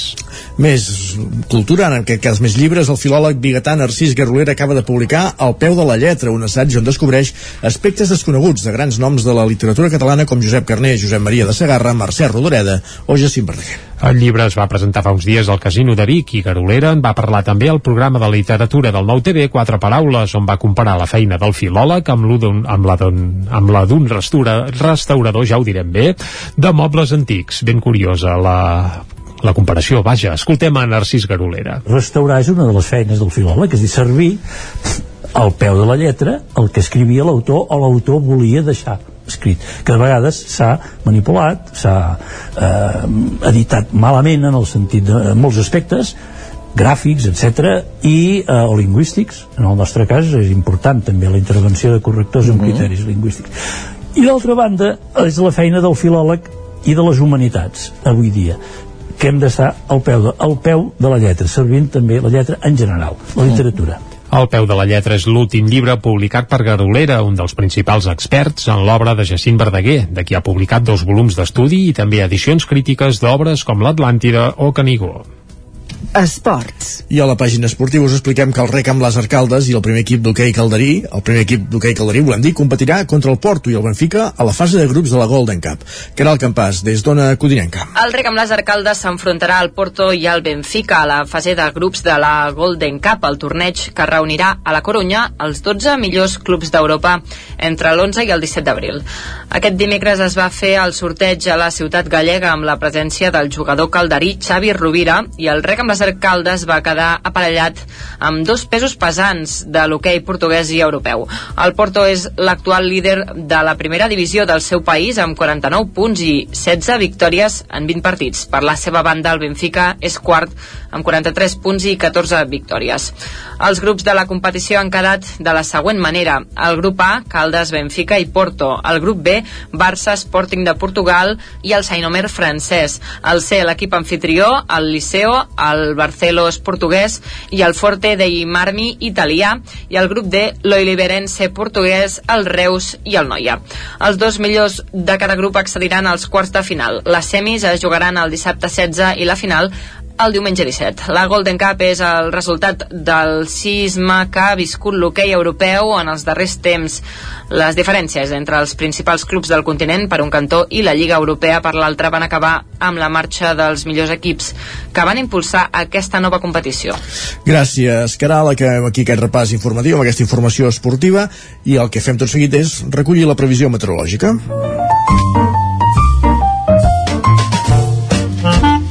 Casa Terradellos us ofereix el temps. Una previsió que com cada dia ens acosta en Pep Acosta i bé, hem tingut un cap de setmana remullat però li volem demanar per aviam com tindrem el cap de setmana que ve però bàs, bàsicament setmana. la setmana primer, sí, encara ens queden uns quants dies tot pel just. cap de setmana, sí, sí, sí, sí. Uh, ens, ha vist, ens ha avisat abans que si plou avui uh, serà per uh, fang. Sí, sí, sí, sí, per tant ens deixarà els cotxes fantàsticament nets i les terrasses i terrats, etc etc. El saludem, sí, de nou? Vinga, va, Pep, bon dia. Hola, molt bon dia. Molt bona hora. Avui ha canviat el mapa meteorològic Mhm.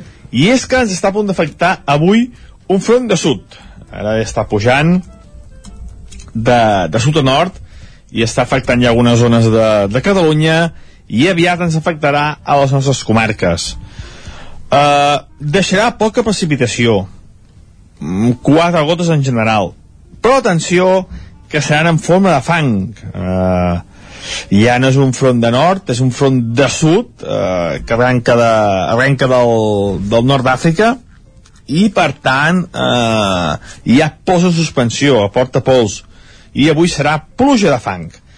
A part de la pluja de fang que tindrem, les temperatures pujaran vents de sud, això és sinònim de, de, de, de, vent, de, de vents que Temperatures l'Àfrica, com amunt. deia, Mhm. i per tant la pujada de temperatura serà notable tindrem valors eh, superiors als 15 graus avui i la nit de dilluns a dimarts també serà bastant més càlida. Es deixarà sentir aquests vents de sud, aquests vents eh, que, que no seran tan freds com el cap de setmana.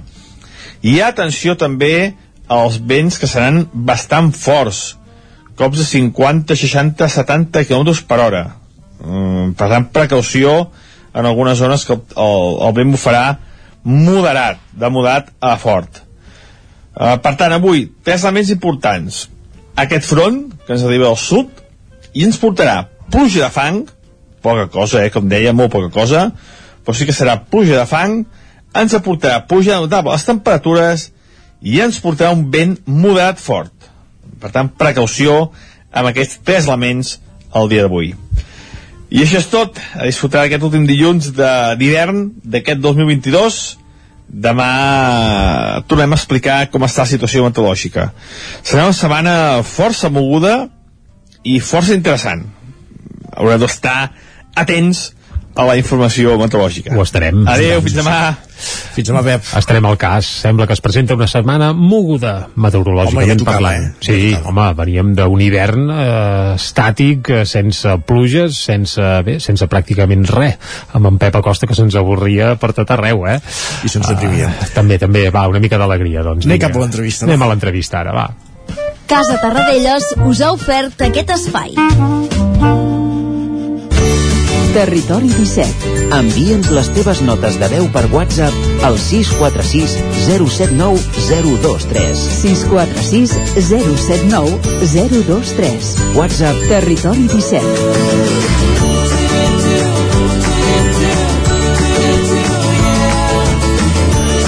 Territori 17. Som a Facebook, Twitter i Instagram amb l'usuari Territori 17.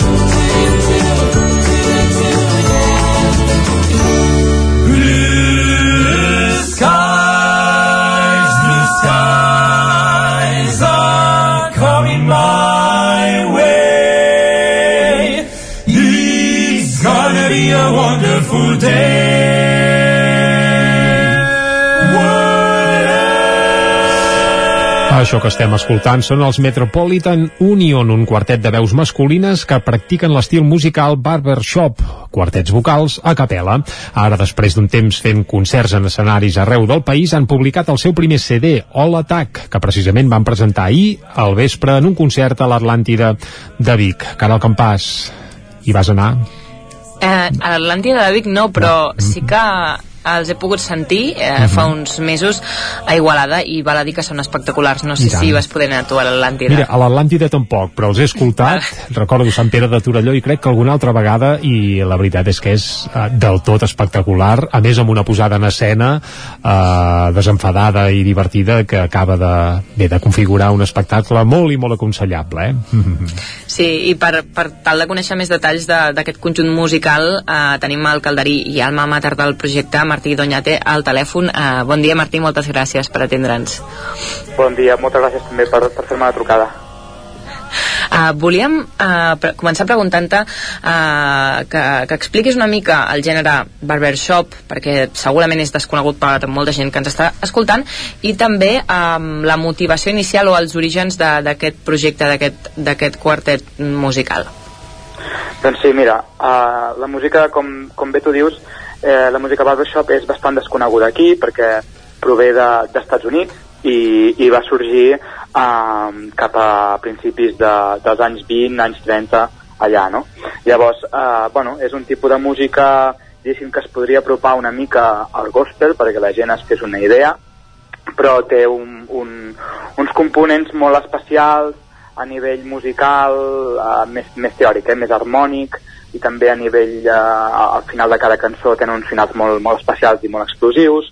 I bé, són, són cançons molt divertides, amb, amb aquests tocs d'humor que, bueno, són, és, quan, ho- quan ho escoltes allò en directe jo crec que et quedes bastant impactat perquè és, és, és molt diferent de, del que estem acostumats. Uh, Martí, a Metropolitan Union va néixer cap al 2013, va tenir una primera vida i després diguem que va experimentar una segona, amb una segona assemblea amb músics i membres nous. Com va anar aquesta resurrecció de Metropolitan Union i ara mateix qui sou el quartet, a part del, Martí, del mateix Martí Doñate? Perquè crec que hi ha presència usonenca també, eh? Sí, correcte, correcte. Uh, doncs, com bé tu dius, el quartet va començar el 2013 arran de, Conservatori de Música de Granollers. Jo estava allà cursant els meus estudis musicals i un professor d'allà també té un altre quartet, els Humphreys, que doncs ell em va dir, ostres Martí, eh, et vindria de gust provar, provar de, de cantar res, dues cançons amb uns, amb uns alumnes, amb uns companys, i jo m'hi vaig animar. Ens va agradar tant que, que eh, vam crear Metropolitan Union el 2013 L'únic que això, aquest quartet, amb aquesta formació, doncs va durar res, dos anyets o així. I llavors els meus companys, diguéssim, que em van deixar sol, van dir, bueno, ha estat molt bé, però fins aquí jo, vale. I llavors em vaig quedar solet. Però bueno, uh, més endavant, el 2015, jo estava cantant al cor jove de, de l'Orfeo Català, al Palau de la Música, i és allà on vaig poder conèixer en Joan Mas de, de, de Centelles, Correcte. en Dani i, i en Germán, sí. i allà, uh, diguéssim que el Palau de la Música va ser el nostre nexe d'unió i aquí em van animar entre tots, va, per què no tornem a activar el teu quartet? I ara amb ells eh, fins, que, fins que no puguem més. Uh -huh. Ara presenteu el vostre primer CD uh, i et volíem demanar, um, alguns sou exescolans de, de Montserrat, no sé si és per això que, que l'heu enregistrat allà a l'Escolania. Sí, correcte, bueno, és, és un dels motius, no? Uh, dels quatre, tres som antics escolans, uh, i llavors uh, havíem de buscar un, un lloc uh, prou bo i prou idoni per gravar, i durant la pandèmia, que estàvem tots a casa i tenim més restriccions, vam pensar què podem fer no? per, per intentar propulsar el quartet i vam, vam pensar que, que fer un, el nostre primer CD seria una molt bona idea i per gravar-lo vam demanar permís a, a Montserrat perquè jo també a part estic treballant com a professor de clarinet per tant hi tinc una mica de contacte i ells encantadíssims ens, ens van deixar la sala d'assaig dels nois i allà el vam gravar i superbé.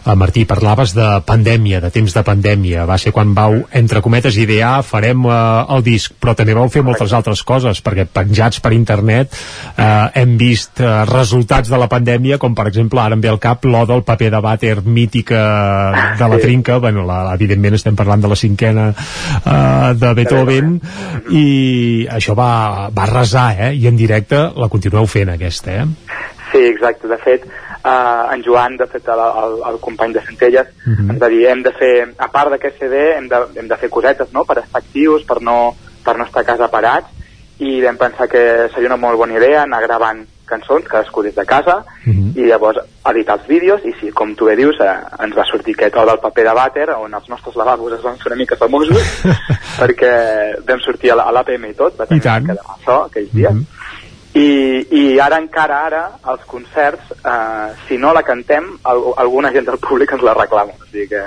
sí, sí, és una cançó ben divertida Uh -huh. um, parlem doncs d'aquesta pandèmia d'aquest primer CD però, però també teniu altres projectes no? en curs, uh, espectacles per les escoles ens pots detallar una mica més aquesta qüestió? Sí, jo i tant um, arran d'un concert que vam fer a Centelles mateix eh, ens va veure una persona que, que, bueno, que, que treballava per la Generalitat i, i ella molt, molt amablement ens va dir que, bueno, que, li, que li havia agradat molt l'espectacle i que ens voldria proposar doncs, per entrar en un circuit eh, de grups que fan concerts arreu de les escoles arreu de Catalunya. I sí, sí, ens van contactar es, eh, van veure el nostre dossier i alguna, algunes gravacions i els hi va agradar tant doncs, que ara aquest, aquest curs estem, crec que tenim al voltant d'uns 15-20 concerts arreu de, de la Catalunya central, eh, explicant què és el barbershop, explicant, explicant bueno, doncs, tot aquest espectacle no? I, i, i aquesta música. I, els, I jo crec que les escoles i els nens doncs, surten molt contents i és, és també molt enriquidor, no? canviar una mica de públic a vegades i, i que ho rebin també els més petits perquè et trobes eh, algunes experiències que, que ho viuen molt més a vegades i tot. Home, cal dir que el vostre estil o gènere de música és transversal, que agrada grans i petits. Correcte. Això sí. es va poder veure, per exemple, ahir a Vic, on vau fer el concert, en teoria de presentació oficial d'aquest nou disc, eh, com va anar mm -hmm. el mhm. concert, Martí? Va anar, va anar superbé. T'he de dir que, que hi havia nervis. Mm -hmm. hi havia nervis perquè, evidentment, era un concert important, sí que és cert que, que les cançons, evidentment, ja ens les sabíem, però sabíem que volíem, fer, volíem eh, aconseguir un bon concert davant de tots els nostres amics, familiars i a part de molta gent que volem agrair que va venir i va, vam tenir molt bona rebuda volem donar les gràcies. Però sí, sí, eh, jo crec que va ser un concert molt emotiu en què, en què va sortir molt bé, ens ho vam passar molt bé i jo crec que, que la gent va sortir molt contenta i bueno, al final ens van voler comprar els CDs, evidentment, vam estar xerrant allà amb la gent, vam tenir molt bona rebuda i, bueno, estem encantadíssims. Per cert, deixem apuntar que la portada del CD té segell també usonenc, perquè és de l'artista uh, Maria Peix, és a dir, que tot queda una mica a casa, i deixem dir que una de les peces que vau fer a la traca final del concert és una versió del Virulai molt curiosa. D'on ve aquesta versió? Sí, exacte. També Vosaltres que sou ex-escolanets, a més a més, com dèiem abans, eh? Sí, sí, és una, és una de les cançons que també agraden més, Uh, tot va ser perquè tenim un, un company en comú amb el quartet, amb els, amb els nois, un compositor que es diu Carles Prat, també antic escolar, i, i uh, li vam proposar, escolta'm, uh, ara que aquesta pregunta que em feia la Caral, no? quins altres projectes teniu per més endavant? Uh, ens va començar a escriure aquest Virolailo, que li diem. Virolailo. Uh, que, Viro, mm. Virolailo, sí, sí, que és el sí, Virolai, sí. Mm -hmm. però com de construït més d'una forma més moderna, amb swing, és, és molt divertit. I uh, aquesta cançó, bueno, acaba cantant, no?, cap al final, guieu-nos cap al cel, i acabem així tot molt explosius. I és l'inici també d'aquest nou espectacle que volem idear, que són cançons catalanes, eh, tradicionals fins i tot, o fins i tot algunes infantils, però hem demanat a compositors també catalans que ens arrengin aquestes músiques per estil això, perquè ens hem adonat que no hi ha, que no hi ha res en català. Precisament, et volíem demanar sobre això, um, sobre aquest uh, nou projecte de, del que parles ara, Qu quan el podrem escoltar?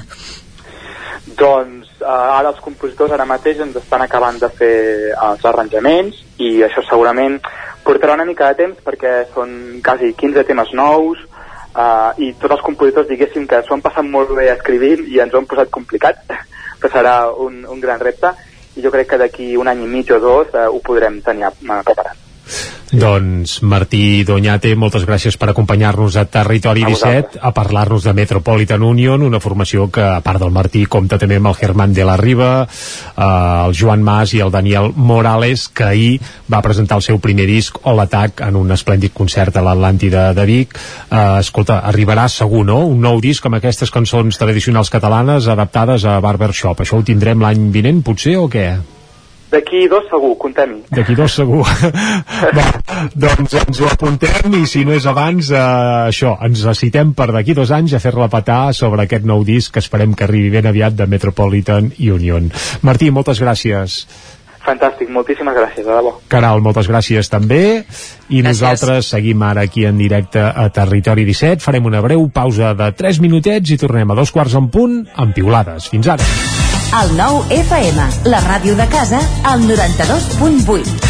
A la rostisseria El Plat ens agrada la cuina de sempre, la de les àvies i de les mares, la cuina feta amb paciència com s'ha fet tota la vida. Vine a provar els nostres canelons gruixuts o els croquetons, les nostres croquetes de 80 grams, i recupera el gust del pollastre a l'as com els que es menjaven abans. Ah, i aprofita, fins a finals de febrer, 20% de descompte en els canelons i el pollastre. Rostisseria El Plat, encàrrecs fins a les 12 del migdia i servei a domicili.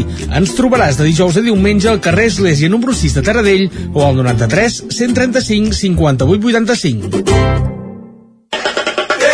Del 13 al 20 de març torna el Carnaval de Centelles. Diumenge 13, tret de sortida amb el pregó de Carnaval i durant tota la setmana segueix les consignes esbojarrades del rei Carnestoltes cada matí a través de les xarxes socials i la web de l'Ajuntament. El divendres 18 de març, Rua de Carnaval de les escoles i dissabte 19 de març, Gran Rua de Carnaval a partir de les 5 de la tarda amb lliurament de premis i festa fins a les 12 de la nit. Del 13 al 20 de març, no et perdis el 41è Carnaval de Centelles. Ja tens la teva disfressa? Carnestoltes a Manli. Vine i demana'ns la disfressa que vulguis. Trobaràs un món de fantasia en disfresses i complements per al Carnestoltes. Hi ha uns preus especials.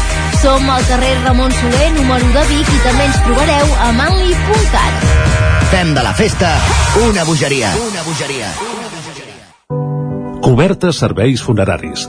Els nostres tanatoris estan ubicats en els nuclis urbans més poblats de la comarca d'Osona per oferir un millor servei. Tanatori de Vic, Tanatori de Manlleu, Tanatori de Centelles i Tanatori de Roda de Ter. Sabem que són moments difícils i per això el nostre compromís és atendre-us en tot moment amb un tracte humà, sensible i respectuós. Cobertes serveis funeraris. Telèfon 24 hores 93 883 23 46. Cocodril Club. Si t'agrada la bona música dels anys 60, 70 i 80, escolta el 9 FM els matins de dissabtes i diumenges d'11 a 1. És el temps del Cocodril Club, tot un clàssic de la ràdio, amb les bases del pop-rock, les llegendes, les cançons que s'han convertit en autèntics himnes. Recorda, dissabtes i diumenges al matí, d'11 a 1, al 9 FM 92.8. Cocodril Club, el programa revival de l'Albert Malla. Hasta luego, Anuncia't al 9FM. La màquina de casa. 9 3 8 8 9 4 9 4 9. Publicitat arroba al 9FM.cat. Anuncia't al 9FM. La publicitat més eficaç. El 9FM, el 9FM, el 9FM, el 9FM, el 9FM. En punt, dos quarts d'onze.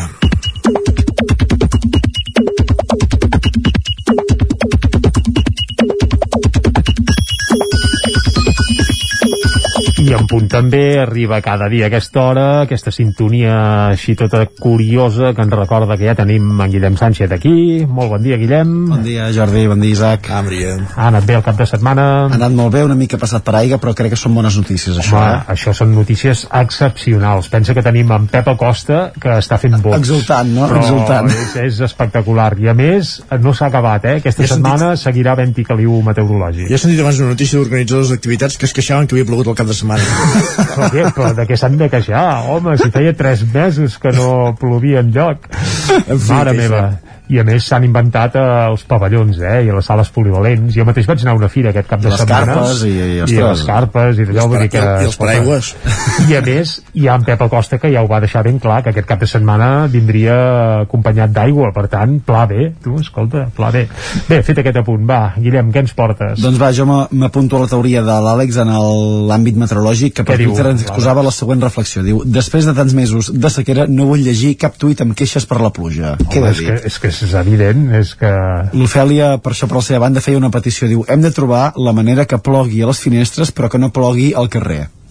Ara pla que plogui a les finestres i no plogui al carrer És a dir, que des de casa tu puguis veure que ha plogut Sí, sí, i que sí, s'hagi constatat que cau aigua però que quan sortis al, al, al carrer no em mullis. uh, Ofèlia, no et volem ofendre però no funciona així És una mica complicat. Sí.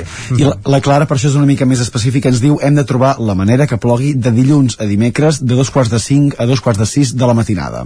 Sí, Sí, clar. suposo que és l'estona que ella no està fent cap activitat a fora que... Uh, no, sí, per demanar que no quedi, que truqui a Sant Pere i, escolta, I a veure si hi ha sort. I aviam si hi ha sort. I aquí un comentari contundent, ens escriuen si us agrada la primavera però no la pluja, tinc una notícia que us impactarà, diu, no us agrada la primavera perquè ja ho sabem que aquesta època de l'any Correcte. Si una cosa té la primavera, que per cert, fins al cap de setmana que ve no Correcte. arriba encara, encara som a l'hivern, però bé, si una cosa té la primavera meteorològica és que alts que i baixos, variabilitat i pluges, i tant. Va, i parlant de pluja i d'aigua, les mares són així, sempre ho seran. La nana ens escriu, ahir durant una conversa amb la meva mare li vaig comentar que bec poca aigua. Fa una estona m'ha trucat, m'ha trucat per preguntar-me si avui havia begut aigua. Les mames, que boniques, i trempades, i eixerides. Beveu allò que es diu un litre i mig o dos litres al dia vosaltres o, o Jo no? ja et ben asseguro que no. Que no? No. D'aigua, no. I d'altres líquids, normalment diria que tampoc. Ara, clar, si Entre tots, no? Potser- un enciam, un pes, un no sé què, i féssim suc i d'allò, potser sí que arribaríem al litre i mig, eh? Va, i aquests dies que seguim parlant de preus de gasolina, gas, calefaccions i de supermercats, el nostre company en Jordi Vilarrodà ens escriu que no pensa entrar en la dinàmica que s'ha destapat els últims dies. Ens diu, nevera i congelador ploren perquè fa dies que no els omplo, però no m'apuntaré a la histèria acaparadora. Ens hem tornat bojos, no en vam aprendre ara fa dos anys amb el paper de vàter, ens sortirem millors, deien. Escriu en Jordi. Uh, és evident que si hi ha algú que no n'aprèn mai és l'ésser humà, eh? Pagarem 50.000 cops amb la mateixa pedra i, escolta, és el que hi ha. I en Gerard, en Gerard té molt clar, eh, per això de, de qui és part de la culpa, ens diu, sí. ara que esteu molt enfadats perquè la gasolina va a 2 euros al litre, podeu començar a cagar-vos en tots els governs que amb les seves polítiques territorials i de mobilitat de les últimes dècades us han condemnat a dependre del cotxe i, per tant, de les empreses petroleres. Bé. Bé. Bé. S'ha de dir que amb un millor transport públic segur que molta més gent el faria servir, segurament. Home, segurament, però és molt fàcil desplaçar-se en transport públic a segons quines zones del país I i, és no molt tant. difícil en d'altres i el territori 17 precisament no seria dels llocs on és fàcil anar en transport públic amunt i avall per tant, eh, condemnats eh, i aferrats eh, al cotxe sí, sí, molts de nosaltres Va, i els diumenges a la tarda poden passar coses com la que ens relata en Nil, que ens diu torno a fer una altra badalla així i acabo a urgències perquè m'encaixin la mandíbula. Com, Devia ai? venir d'un dissabte i d'un diumenge al matí una mica, una mica fotuts. Va, i què en penseu d'això que ens escriu l'Elisenda, que ens diu avui he dit per antena que Ramon és un nom horrible i ha trucat un senyor que es diu Ramon indignadíssim demanant que em disculpi públicament. Supera. Home, escolta, pobre Ramon, però què té eh, Ramon que no, que no li agradi? Com es diu ella, has dit? Elisenda. Home, doncs... Eh, Elisenda és un nom... No, és igual. De l'Hisenda, sí. De l'Hisenda Ramon tampoc hi ha tantes diferències, eh? Escolta, comparteixen com a mínim una vocal i, i, i una consonant, a més a més. Per tant, bé, tant Tot, és. tot i això potser sí que hi ha noms com aquest que s'estan perdent, perquè jo sí que de nens petits que es diguin Ramon no sé si si n'hi ha massa o cert, no. a l'escola dels meus fills no en conec cap. Veus? Ara que ho dius. Doncs segur que hi ha noms que s'estan perdent, el qui no perd és el Barça d'en Xavi, que ahir va fer quatre gols. Com ho has lligat, eh? Com ho que has lligat, això, eh? I, va, i el que, el, un dels noms que va sobresortir és el d'Enriqui Puig, que Ricard tampoc en conec gaires jo de, de nens que es diguin Ricard. No Bé, sé si... jo, Ricard, veus, eh, sempre faig servir això, eh, la comparació a l'escola, i sí que hi ha un segal que s'ho diu. Un, doncs perfecte, Un. superat. Petit, però en puja algun. La Irene ens escrivia del partit d'ahir, diu, fins i tot Enriqui Puig marca amb el Barça d'en Xavi, no em desperteu d'aquest Barça, si us plau, però en canvi en Jordi crec que va per una altra ha, fet, banda. ha fet un gol, tampoc ens En l'emocionem. Jordi crec que va per una altra banda, que ens diu encantat amb el gol d'Enriqui Puig, que potser serveix perquè ens el fitxi l'Ossassuna, i l'Edgar tampoc, tampoc ho veia massa clar. Ens deia gol de Riqui Puig i demà dilluns. Ja ho diuen que les desgràcies mai venen soles. Home, Bé, cal dir que va fer el gol quan hi anaven 3 a 0 Sí, sí. estava ja tot el sac i ben lligat i a més eh, va sortir els últims 20 minuts eh? crec que van ser Sí. Que... I per acabar, va, un consell de temps moderns, per acabar la secció d'avui, en Gerard que ens diu no pagueu coses a amics que no tenen visum, no cometeu aquest error. Doncs vinga, Jo sóc l'amic que no té visum, però pago, eh? Hi, Sí, hi, ha, altres, doncs. hi ha altres sistemes, eh? Doncs deus, deus ser l'únic, Isaac. Tu en tens, Guillem, sí? Jo en tinc, sí. Tu en tens, val, fantàstic. Jo el tinc des de la setmana passada, ja, ja us ho deixo anar també, per qüestions pràctiques. Per tant, pagueu-me el que vulgueu. Et, et, et podem pagar coses, Jordi. Moltes gràcies, Guillem. No t'ho pagarem per visum, t'ho pagarem dient gràcies i t'emplacem a demà, eh?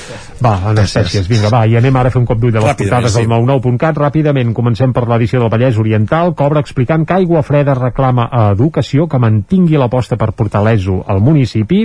També que el Consell Escolar de Caldes de Montbui és contrari al tancament d'una línia de P3 i que un 30% de la població ballesana ha passat el virus de la Covid. I a. Osona i el Ripollès, ara mateix, obre... Bé, ara mateix eh, la cosa va molt lenta perquè la velocitat de creuer ara sí que ho tenim aquí.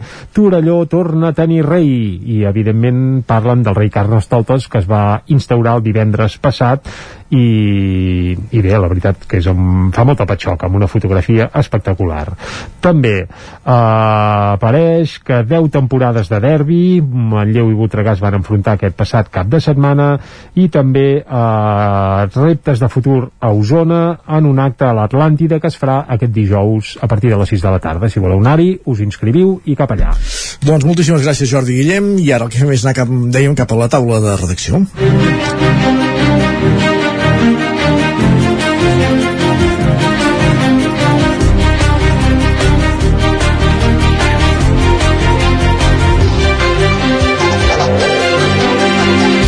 I avui a taula de redacció en companyia de la Gemma Permanyer i de l'Isaac Muntades. Comencem per la Gemma. Gemma, bon dia. Bon dia, què tal? Molt bé. Gemma Permanyer, periodista d'Ona Codinenca i també de BOTV. De fet, eh, la setmana passada, amb una delegació del Fons Català de Cooperació i per BOTV i la xarxa, vas estar uns quants dies a la frontera entre Polònia i Ucraïna, doncs fent, eh, fent-vos ressò del que succeïa, sobretot amb tot el que és, té relació amb l'èxode de, de refugiats, l'ajuda humanitària, etc etc etc. Expliqui'ns una mica com, com va anar aquesta estada i què, què, què vau observar, diguéssim, en aquests punts fronterers.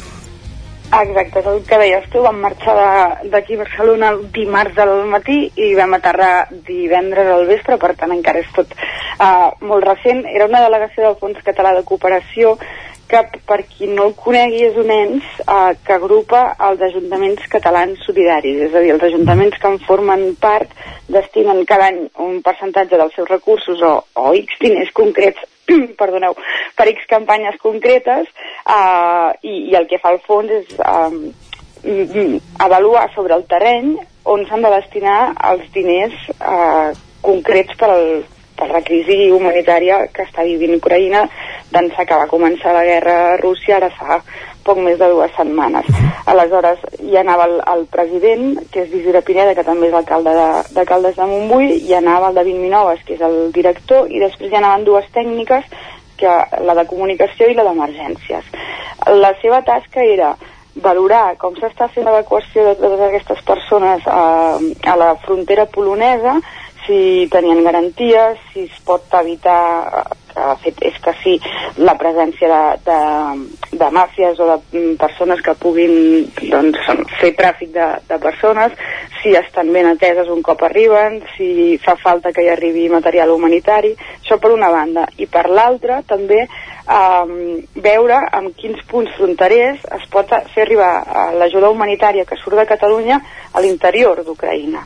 Perquè, clar, hi ha molta gent que està abandonant el país, però també hi ha molta gent que pel que sigui no pot deixar-lo i és dins, i a aquestes persones també els farà falta un suport uh, material uh -huh. uh, allà dins. Aleshores, per això vam visitar tres punts fronterers, el, un que es diu Erbene, uh, espero que no hi hagi cap polonès que senti com pronunciem els noms de les seves ciutats. Uh, L'altre és Burgomeix, i aquests dos són molt més petits, de fet un dels dos només hi entra en convois uh, camions i furgonetes, l'altre sí que hi ha un punt per camions i, i cotxes i, i un petit punt on, on arriben, entra i surt persones. Llavors en aquests espais hi ha un primer espai de trànsit que en diuen que és on, on es fa una primera atenció a aquestes persones que arriben. No? Hi ha unes carpes on poden reposar una estoneta i després hi ha tot un seguit d'altres carpes d'ONGs que els hi aporten el que necessiten en aquell moment, ja sigui, jo que sé, material sanitari, bolquers pels nens, cotxets, perquè quan creuen la frontera van sense i allà doncs, tenen oportunitat d'agafar-ne un si els cal, roba, etc. Però són punts de trànsit molt breus, eh? En, en aquests llocs la gent ja està potser dues, tres hores, en funció de, de com estiguin de cansats. I després ja se'n van a un altre punt molt més gran, que aquest sí que és el, uh, que el vam anar a veure, que és um, Che Michel, que és el, aquest antic supermercat Tesco que l'han convertit en un centre d'acollida i aquí sí que ja estan entre 48 i 72 hores perquè um, hi ha un seguit de gent que quan surten saben on aniran perquè tenen familiars o amics d'altres punts d'Europa que els poden acollir però hi ha persones que fugen de les bombes però no tenen un, una destinació. Aleshores en aquest espai és on han de re reflexionar i decidir què fan en la seva vida.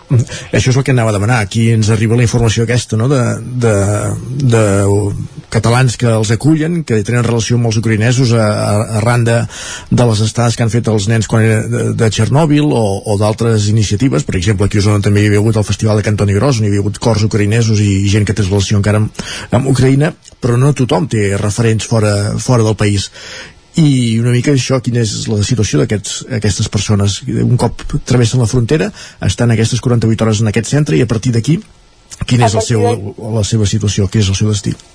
Llavors és, és quan han de diguéssim triar o, de, o cap on volen anar i a partir d'ONGs tipus Creu Roja és quan se'ls col·loca en el país que ells creuen que es poden adaptar i després és quan ve tot aquest procés de les sol·licituds d'asil, etc. Uh -huh el que destacaven molt la gent del fons català és que a tots els punts fronterers on vam anar hi havia presència de l'Oficina Internacional de Migracions, que és un òrgan de, de l'ONU, i garanteix que tothom que surt del país queda registrat. Um, qui és, per on ha sortit i cap on va. De manera que això evita molt uh, la, la possibilitat de que hi pugui haver màfies o ningú que interfereixi amb, bueno, que, que no tinguin la qualitat de vida que, que es mereixen tenir, no? Uh -huh. També destacaven que, que a Polònia l'acollida és molt bona perquè, perquè és Europa, perquè quan arriben allà arriba cadascú amb el seu drama personal però no, no troben un mur, no troben una frontera, no passa el que passa a Grècia, on fa set anys que hi ha gent Correcte. que no pot sortir del lloc on t'ha arribat. Uh -huh. Que això no ho fa menys dramàtic, però, però sí que és, demostra que si es vol fer una acollida digna es pot. Sí, sí, hi ha, hi ha certa llum a final de, del túnel, per entendre'ns. Sí. Uh, sí. I una mica és això, uh, no sé si heu pogut parlar amb, amb persones que travessaven la frontera i una mica quines eren les sensacions, el fet de decidir fugir de casa i tot plegat, diguéssim, amb, bueno, amb quina situació es trobaven molts d'ells? Era molt difícil parlar amb ells perquè uh, no parlen anglès. Uh -huh i, i nosaltres com que érem una delegació petita no portàvem traductor. Uh, els mitjans grans vam, vam coincidir amb un parell d'equips de TV3 ells porten intèrpret llavors uh, tenen un pas més fet diguéssim. Uh, sí que vam poder parlar amb voluntaris que parlaven anglès. Aleshores ens explicaven que ells estan contents quan arriben. O sigui, és, és molt contradictori perquè al moment que creuen la frontera estan il·lusionats. Perquè s'han trobat Sí, sí.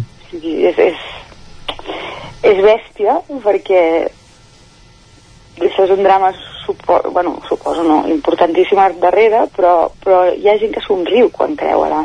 vam poder anar ben bé al, al punt on hi ha la brana diguéssim, ells passen, es passen la brana d'Ucraïna hi ha uns quants metres que són poder 25 o 30 que és el que se'n diu terra de ningú i després hi ha la, la següent brana pues, jo recordo molt una senyora bastant gran que quan va arribar allà somreia li va canviar la cara. Ens canvien els valors, no? situacions crítiques suposo que és una mica això. Jo crec que sí. Jo crec que sí. Sí, sí. molt bé, doncs i a partir d'aquestes, no sé si vols afegir alguna cosa més, eh Gemma? Ah, no, bueno, podríem parlar moltes hores. M'imagino No, no, no, anava a dir per dir que aquesta expedició és que quan suposo que el Fons Català de Cooperació decidirà, diguéssim, com, com treballa, com deies, aquesta ajuda humanitària que envia no només als punts fronterers, sinó també a l'interior d'Ucraïna, no? diguéssim, que, que és, que és l'important ara mateix. Ara havíem d'analitzar una mica tot el que havíem vist, però sí que tenien clar que part de l'aposta de, dels diners catalans, diguéssim, mirar cap a suport psicològic, perquè sí que van trobar a faltar en algun lloc que, que es pogués atendre mm, també a nivell de, de salut mental aquestes persones que arribaven, perquè sí que és cert que els nens troben joguines, eh, troben menjar, troben roba, però mm, no, no, cal, no, no hi ha cap espai que, amb algú que pugui parlar amb tu i et pugui explicar bueno, situar-te en el que estàs vivint, diguéssim. I, i pot ser que l'aposta vagi en aquest sentit. Gemma Permanyer, moltes gràcies per ser avui a la taula de redacció i portar a l'antena aquesta experiència viscuda la setmana passada, com dèiem, als punts fronterers entre Polònia i Ucraïna.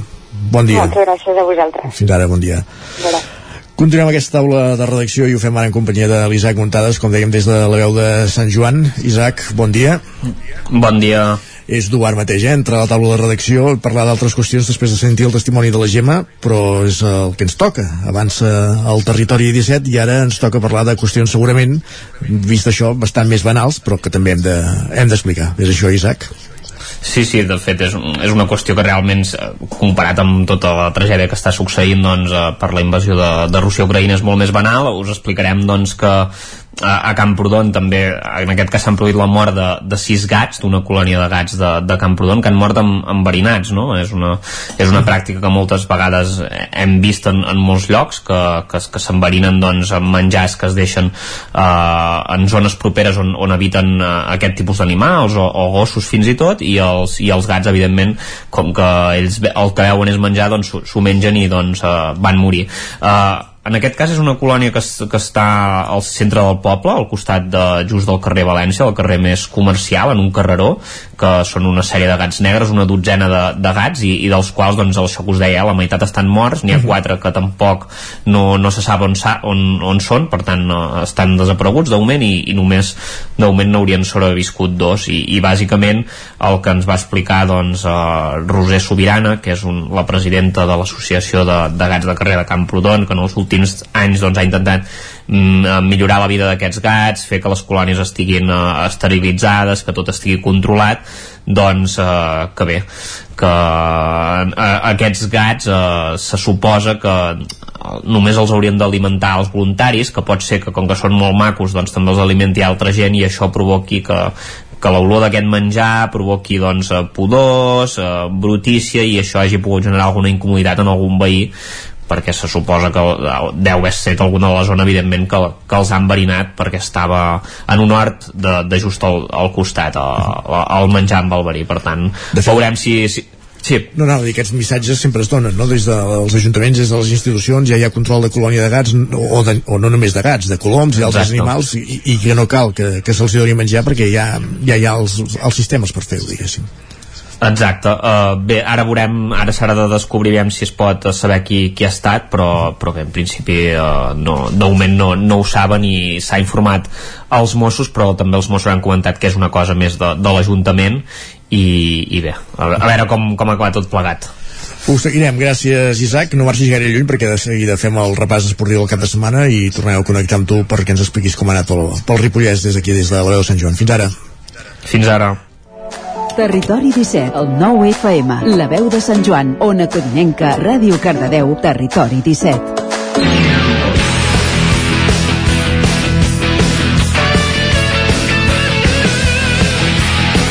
Deu minuts perquè siguin les 11 i el territori 17 el que fem ara, com dèiem, és repassar esportivament com ha anat el cap de setmana a les diferents comarques, pels diferents equips de les diferents comarques del territori 17. Comencem la roda als estudis de Ràdio Televisió Cardedeu amb l'Òscar Muñoz. Bon dia, Òscar. Bon dia. Com ha anat la cosa? Doncs sí, comencem. Doncs bé, ha anat bé. El sí. futbol millor, l'handbol doncs pitjor. Així que comencem el repàs esportiu del cap de setmana el partit de amb el futbol. Cert, el partit de l'Uarbic, que, que el donaves tant per sí. resol, com va acabar, per cert. Ara ja... Sí, just, just amb aquesta victòria anava a començar el, el repàs esportiu amb la victòria contundent del primer equip del Cardedeu contra l'Uarbic per 7 gols a 1. Mare de Déu, senyor. Des del minut, sí, des, des del minut 3, eh, el Cardedeu va obrir la llauna i va mantenir el ritme durant tot el partit fins a acabar doncs, amb aquest resultat de 7 gols a 1 el diumenge el filial també va guanyar en aquest cas per 0 gols a 3 a casa de la Batllòria.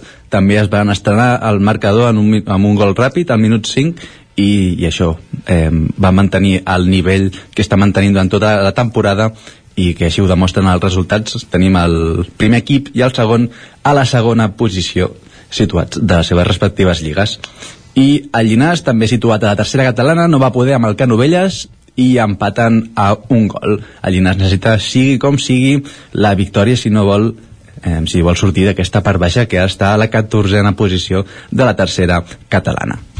I acabem el futbol amb l'Esport Club que ahir diumenge s'emportava la victòria a casa del Vilassar de Mar per un gol a dos. Uh -huh. Així que el futbol, doncs, resultats podem dir bons, més o menys, per alguns equips. Ara ens anem al, a l'handbol, aquí a Cardedeu, i comencem amb derrotes, amb la derrota del sènior masculí contra el Sant Martí Adrianenc per 25 a 28 l'equip sènior que havia començat bé eh, a la fase de permanència però ara ja està eh, ja és la segona derrota consecutiva igual que l'equip femení que jugava a casa però no va poder contra el Vilamajor un clàssic de l'handbol en aquest cas jugaven les noies i doncs això, van acabar per perdre per 35 a 27 Uh -huh. on sí que tenim victòria a l'handbol són amb, amb els equips de Granollers. El Freiking va guanyar divendres contra l'Ibereoquinoa Antequera per 31 a 29 i dissabte van guanyar les noies del CAC 7 contra el Club Balomano Atlético Guardés per 29 a 26 Molt bé doncs repàs fet, gràcies Òscar repàs fet Va. que vagi bé Continuem el recorregut a una codinenca amb la Caral Campàs bon dia Caral de nou. Hola, bon dia. Bon dia de nou. Uh, mireu, començo per hoquei, okay, si us Mhm. sembla. Endavant. Um, a, a segona divisió tenim el Sant Feliu de Codines que rebia el Dominicos i bé, els codinencs val a dir que es van emportar el partit amb un marcador que va acabar per 5 a 4 uh, i bé, el Sant Feliu de Codines necessitava molt una victòria així a casa amb un rival de nivell i, i amb molta emoció fins al final amb aquest marcador que va tancar per 5 a 4 i també a en hoquei, a primera divisió, Alcaldes, eh, en aquest cas tenim males notícies, ha eixamplat la seva mala ratxa aquest Carai. cap de setmana, sí, amb la seva derrota davant el Palafrugell per 2 a 1, eh, comentar que tot i que els de Candami van retallar distàncies, sobretot a la segona part no, no van aconseguir empatar i per tant cinquena derrota consecutiva del rec amb les Alcaldes a la primera divisió de l'Hockey Lliga i les noies del Vigas i Riells eh, també tenien partit eh, i bé, en aquest cas van empatar in extremis, podríem dir, a la pista del Sant Cugat a 7 segons pel final va arribar el quart gol no? d'aquest empat a 4 en el que va ser eh, un partit molt igualat. Eh, comentar que les del Vallès Oriental es van mostrar molt fortes en defensa, eh, però bé, eh, van acabar amb aquest empat a, a 4 davant el Sant Cugat. I me'n vaig al futbol, a segona catalana, el grup 6. Aquí tenim molt bones notícies. El Caldes segueix líder i segueix sumant victòries amb la seva sisena victòria consecutiva. Uh, i bé, uh, cada, mm, comentar que cada partit que passa doncs, uh, té més a tocar l'ascens eh? alcaldes, els de José Luis Duque van poder treure, com deia 3 punts d'un camp complicat com és el del Cirera uh, amb l'afegit també de, de la pluja que hi ha hagut aquest cap de setmana. Per tant, victòria d'ofici la d'alcaldes que ha superat el Cirera a domicili aquest cap de setmana per 1 a 2 i a tercera catalana, el grup 5 um, també molt bones notícies i contra tot pronòstic, el Sant Feliu de Codines que ha vençut el líder, el Voltregà per, per 2 a 1 per tant una valuosa victòria del Sant Feliu davant el líder, el Voltregà que, que bé, tot i que aquesta ensopegada es manté líder amb 49 punts i el Sant Feliu de Codines per la seva banda se situa el número 7 amb 35 punts. I el filial d'Alcaldes um, tam també li ha anat força bé. S'han portat la victòria contra el Borgunyà uh, per 2 a 1 un Borgunyà que, que ha fallat de cara a gol i, i ho ha acabat pagant. Uh, acabo amb dos últims resultats. El Mollà empatat a 1 davant el Santa Eugènia i el Castell Tarsol ha sumat 3 punts importants davant el Roda per continuar en la lluita per la salvació. Doncs gràcies per tots aquests resultats. Gràcies, Caral. Uh, fins aviat. Fins ara. Fins ara. Continuem i ara anem cap al Ripollès amb l'Isaac Montades des de la veu de Sant Joan. Uh, I ara, com deia Isaac, per parlar de, per fer el repàs esportiu al cap de setmana als equips del Ripollès. Doncs eh, sí, comencem anant al subgrup A de la segona catalana de futbol perquè el Camprodon doncs, va tancar aquesta segona fase amb un bon empat a dos al camp del Bosc de Tosca, que és el tercer classificat eh, de la Lliga. Els camprodonins es van avançar abans del minut eh, 10 amb un gol de Pol, que va fer doncs, una, un bon xut des de, des de fora l'àrea, que va anar arran de pal i, i va inaugurar el marcador.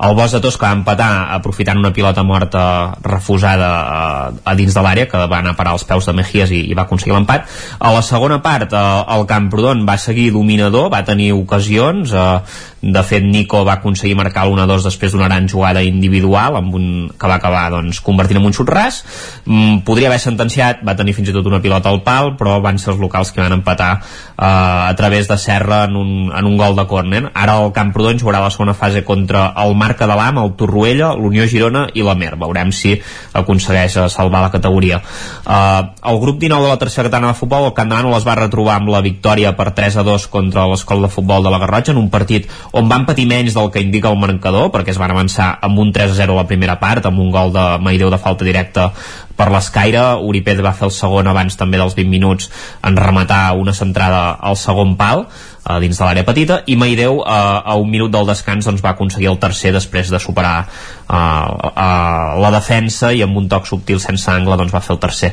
A la segona meitat els garrotxins eh, van passar a dominar però no van marcar fins als minuts finals amb dos gols de, de Nierga i un de Bava en un 1 contra 1 eh, no els hi va donar temps a, a remuntar. I dir-vos que el Badesenc no va poder jugar el seu partit contra el SAT privat d'en Bas que es va haver de suspendre per la pluja que va caure aquest cap de setmana sobretot a la Garrotxa i dissabte que de fet va obligar a ajornar els tres partits que, que allà s'hi disputaven. Per tant doncs haurà de, haurà de recuperar-lo. I, i dos coses per acabar. Eh, a la segona fase de la primera catalana d'hoquei males notícies, l'hoquei Club Ripoll va perdre 5 a 2 contra el Club Hoquei Santa Perpètua. Els ripolleros continuen cinquens amb 10 punts i a 3 de la zona de playoff pel títol, a la primera part ja anaven perdent 3 a 0, a la segona van encaixar només començar el quart gol tot i, tot i que Jaume va aconseguir dues dianes doncs no va ser suficient per remuntar i, i va acabar el Santa Perpètua fent, fent la maneta. Uh, a la primera nacional de futbol sala l'escola futbol sala Ripoll Servicat també comença a perdre les opcions de mantenir la categoria i això que va empatar dos a casa contra el Censur però el problema és que és un rival directe que calia guanyar els ripollers són penúltims amb 8 punts i es troben a dos de la salvació amb un partit eh, menys eh, re resultat eh, d'un partit igualat que la primera part van anar perdent els, els ripolleros van capgirar el marcador i al final doncs eh, va aconseguir empatar el Censur Perfecte, Isaac, moltíssimes gràcies. Parlem després de la tertúlia. Fins després. I ara continuem aquest repàs esportiu als estudis del 9FM amb l'Ester Rovira. Bon dia, Ester.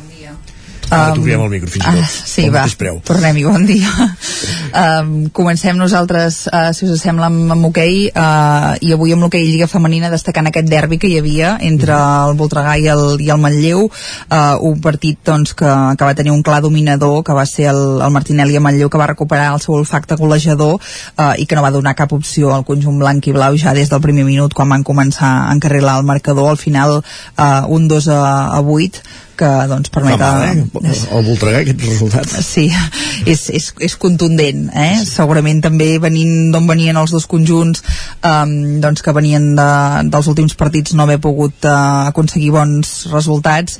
Uh, tots dos en tenien moltes ganes, però, però és veritat que segurament ara mateix estan en una situació molt diferent, no? Un Voltregà immers en una plena renovació uh, de l'equip, amb moltes joves que, doncs, que estan començant a tenir els seus primers minuts a, a l'hoquei Lliga femenina i un Manlleu que, que aspira claríssimament a, a tots els títols i que malgrat que els últims dies doncs, ha patit ensopegades inesperades continua sent un dels grans conjunts de, de, la, de la competició i això doncs uh, segurament es va, es va fer evident. Dir que en aquest partit va debutar com a portera Caral Sala uh, havent de substituir Ushue Otegi que va ser uh, doncs baixa.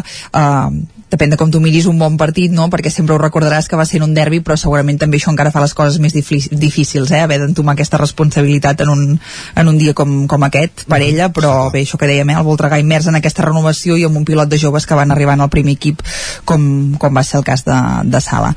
En el cas de, de l'hoquei Lliga, eh, dir que, que la situació continua complicada pels dos conjunts usonencs, ho explicàvem la setmana passada quan el derbi era entre, entre, era entre aquests dos conjunts, eh, la part baixa de, de la classificació classificació continua estant molt ajustada i aquest cap de setmana tots dos han perdut els seus enfrontaments. El Voltregà eh, jugava a casa contra el Lleida i la manca d'efectivitat doncs els va fer caure per 1 a 4 contra el conjunt lleidatà, mentre que el Manlleu eh, doncs va perdre 5 a 2 a la seva visita a l'Igualada i com la setmana passada eh, doncs ja es troba en posició de, de descens directe i el Voltregà continua ocupant una de les posicions de, de play-out.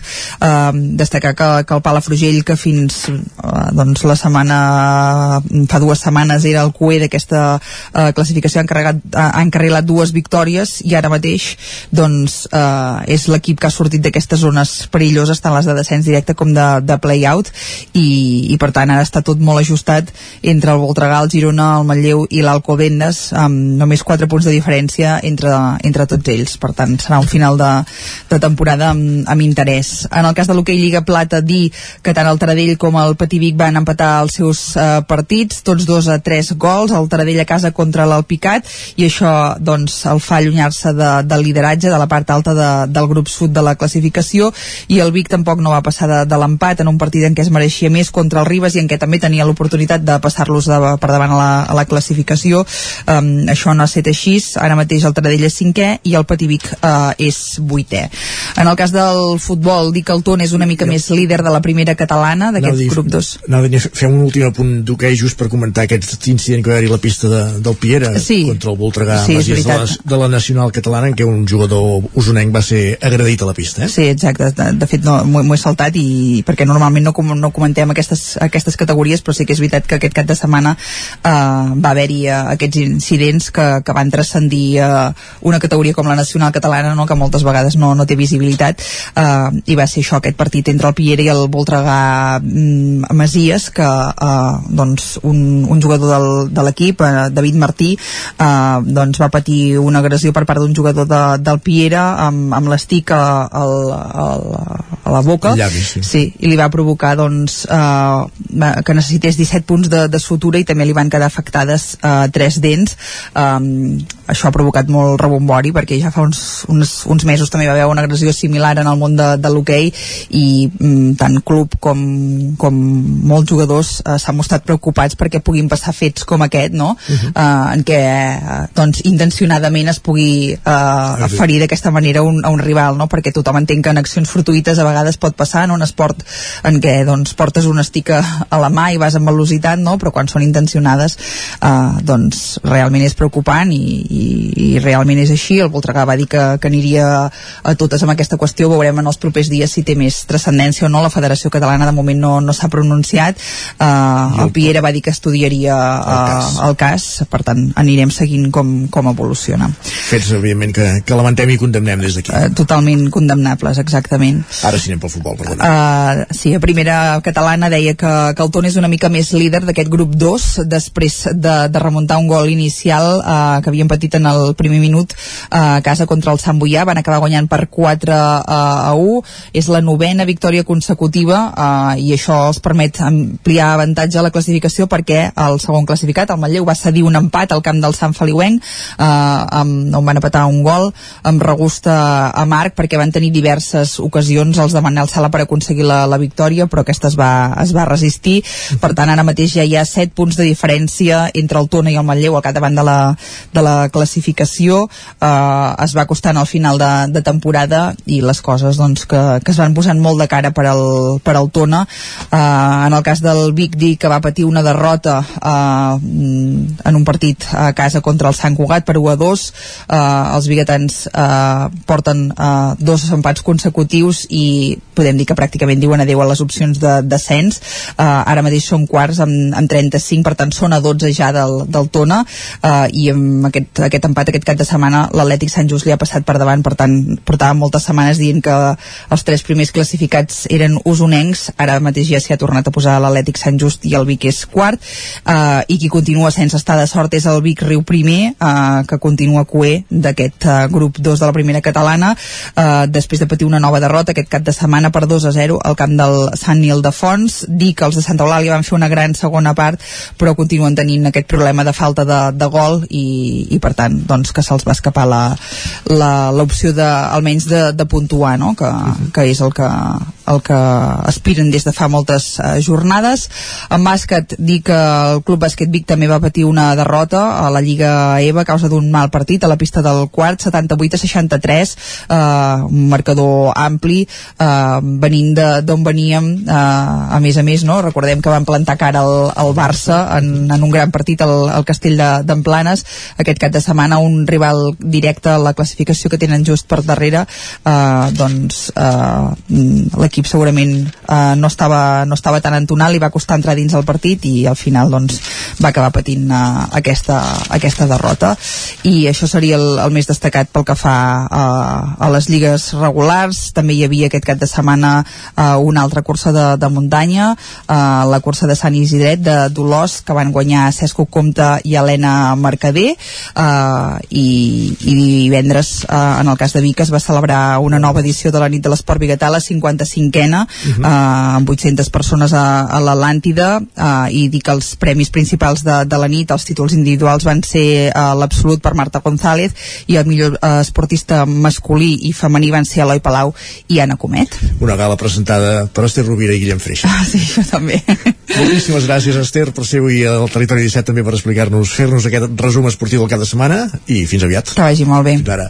I nosaltres el que fem ara, i el que fem ara tot seguit al Territori 17 és actualitzar actualitzar-nos, anem per les notícies de les 11 amb el més destacat de les nostres comarques. Territori 17, amb Isaac Moreno i Jordi Sunyer.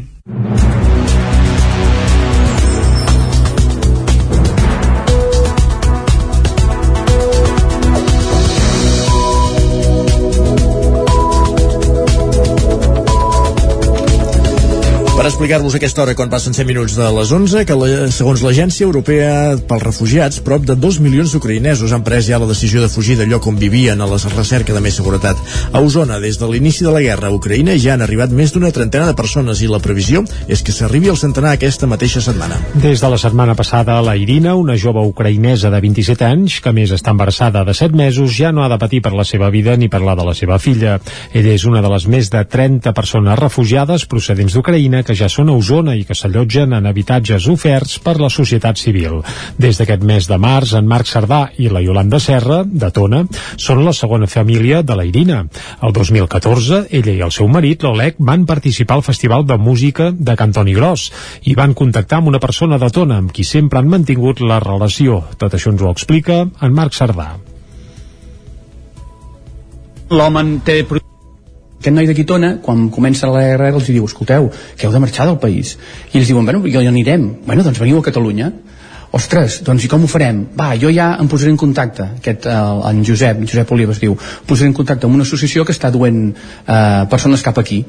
I bueno, l'associació d'Osona amb els nens, que ara és el, té el projecte d'Osona amb Ucraïna, doncs es va posar en contacte amb nosaltres, ens va dir, hi ha aquesta urgència, diguéssim, m'arriba una noia en dos dies i no sabem, no sabem on la podem allotjar, tingueu en compte que està embarassada, per tant, el més probable és que d'aquí, bueno, un mes i mig, doncs, siguem un mes a la família i nosaltres doncs, no ens ho vam pensar. La Irina va fer el viatge des d'un poble del sud d'Ucraïna, a prop d'Odessa, fins a Iasi, a Romania, i allà va agafar un vol cap a Barcelona, on l'esperava en Josep Oliva, l'amic tonenc, que van fer precisament al Festival Internacional de Cantoni Gros. Escoltem a la Irina Gzik. My husband insisted uh, me to go el meu marit em va insistir de venir a Espanya i també vaig entendre que estava embarassada. Per tant, no tenia alternativa a quedar-me allà perquè era una situació poc segura. Vaig haver de marxar sola.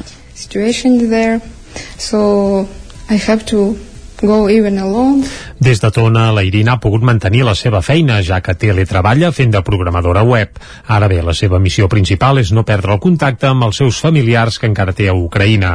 Com a mínim, durant mig any, el temps d'estada previst a un municipi, la Irina i la seva filla compartiran vida amb en Marc i la Yolanda, una família que ja tenien experiència en acollides, ja que també havien obert les portes de casa seva a infants saharauis els últims estius.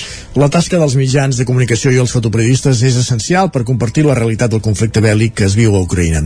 Els fotògrafs usonencs Marc Senyer i Sergi Càmera han pogut desplaçar-se uns dies a la frontera entre Ucraïna, Ucraïna i Polònia i des del punt de Medica, entre d'altres, han pogut captar què estava passant de primera mà. Marc Senyer ha volgut compartir amb el nou FM algunes de les reflexions arran d'aquesta experiència professional.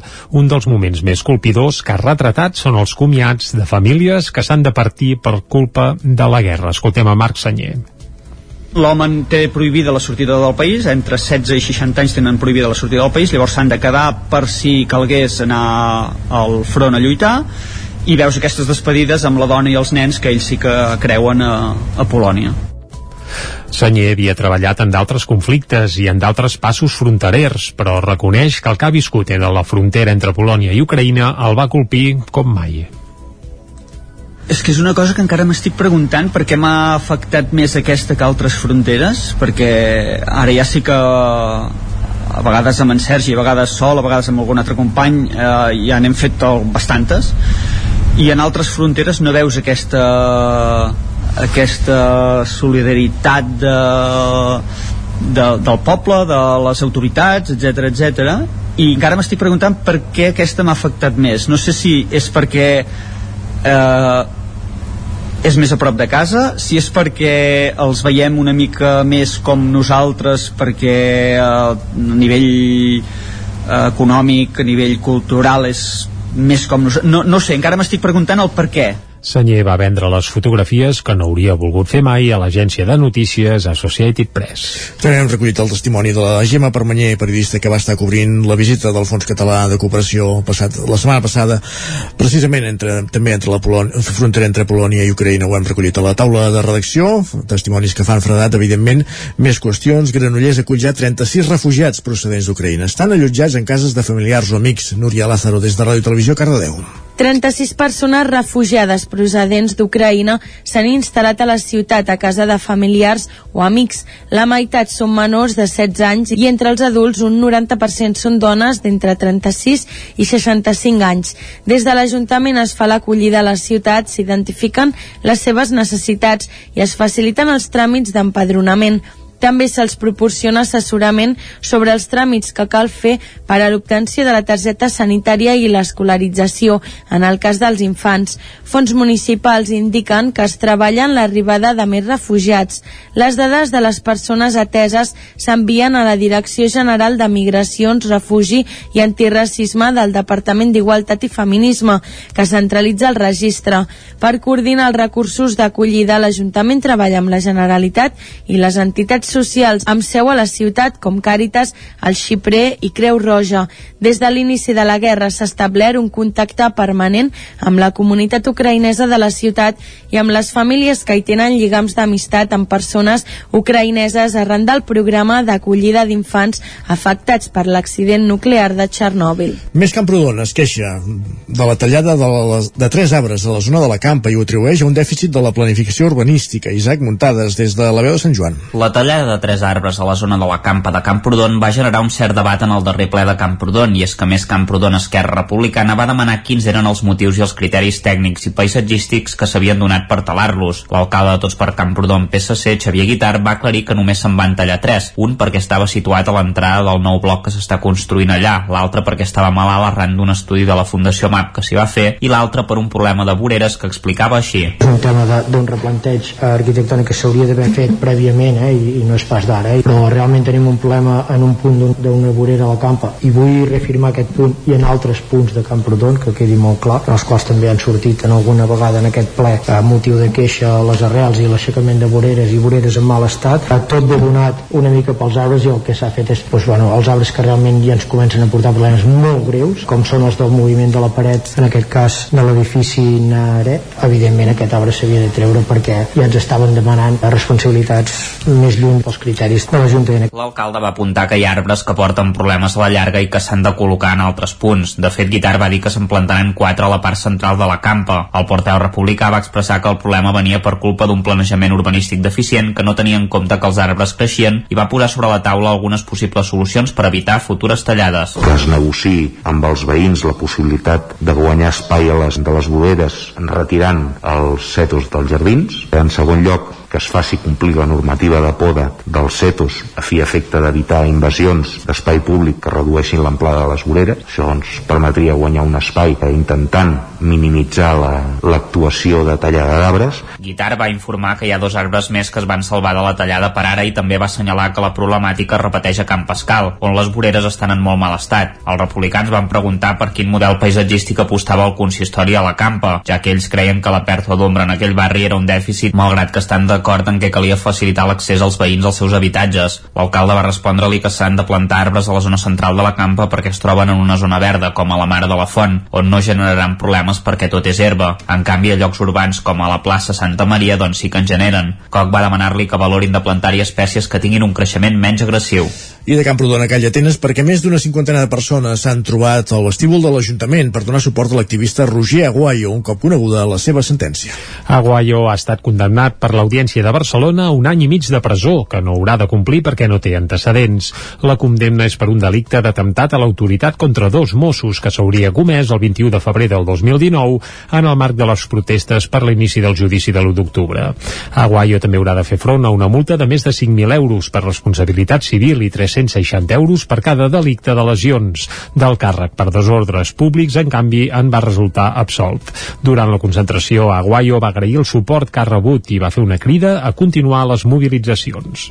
Ens hem de seguir mobilitzant, ho heu fet, bueno, gràcies per fer-ho amb mi, tant els dies de judici, actes que es van fer, però que hem de seguir solidaritzant-nos entre nosaltres perquè cap institució ni cap govern ho farà, ja ho hem vist, si no som nosaltres no hi ha ningú, i que vindrà més gent com jo. Tenim en Moli d'aquella Atenes, en Pau i molta gent que vindrà, i si no fem nosaltres no ho farà ningú. Des del col·lectiu de suport Pigot Negre es va remarcar la insatisfacció per la condemna, es va defensar que l'únic just hauria estat l'absolució i es va fer una crida a mantenir la mobilització als carrers i a participar en tots els actes de suport als represaliats del món independentista. Caldes de Montbui impulsa després de la pausa obligada per la pandèmia la setena edició del programa L'Èxit, que vol fomentar la lectura entre infants, que era el campàs des d'Ona Codinenca. L'Escola Montbui dona el tret de sortida a la setena edició de L'Èxit, el programa de foment de la lectura entre els infants de primària. Després de la pausa forçada per la pandèmia, aquesta setmana hi ha hagut la primera sessió d'aquesta iniciativa promoguda per la Fundació Jaume Bofill, que té per objectiu incrementar l'èxit educatiu dels infants a través de la millora de la comprensió lectora. En aquesta edició, a banda de l'Escola Montbui, també participen en l'èxit les escoles Alcalderia, El Farell i l'Escola Pia. També hi col·laboren la Biblioteca Municipal i l'Institut Manol Huguer, que hi aporta joves voluntaris.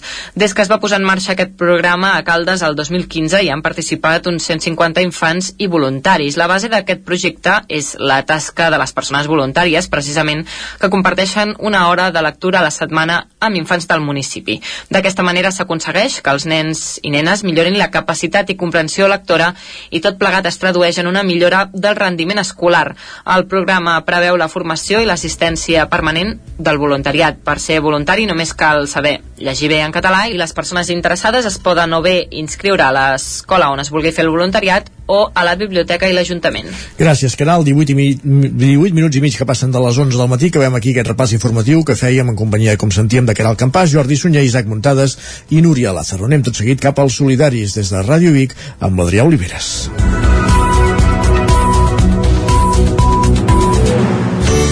Territori 17. Envia'ns les teves notes de veu per WhatsApp al 646 079 023. 646 079 023. WhatsApp Territori 17.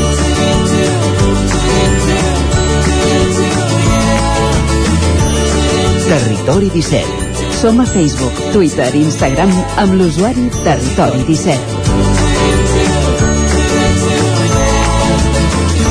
10 minuts que passen de les 11, finestra de solidaritat al territori 17.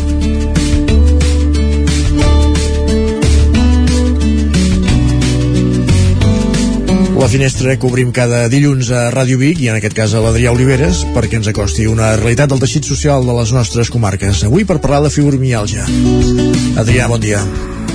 Aquesta setmana coneixem a una associació que està repartida per tot el territori i que ajuda persones amb una certa malaltia, la fibromialgia.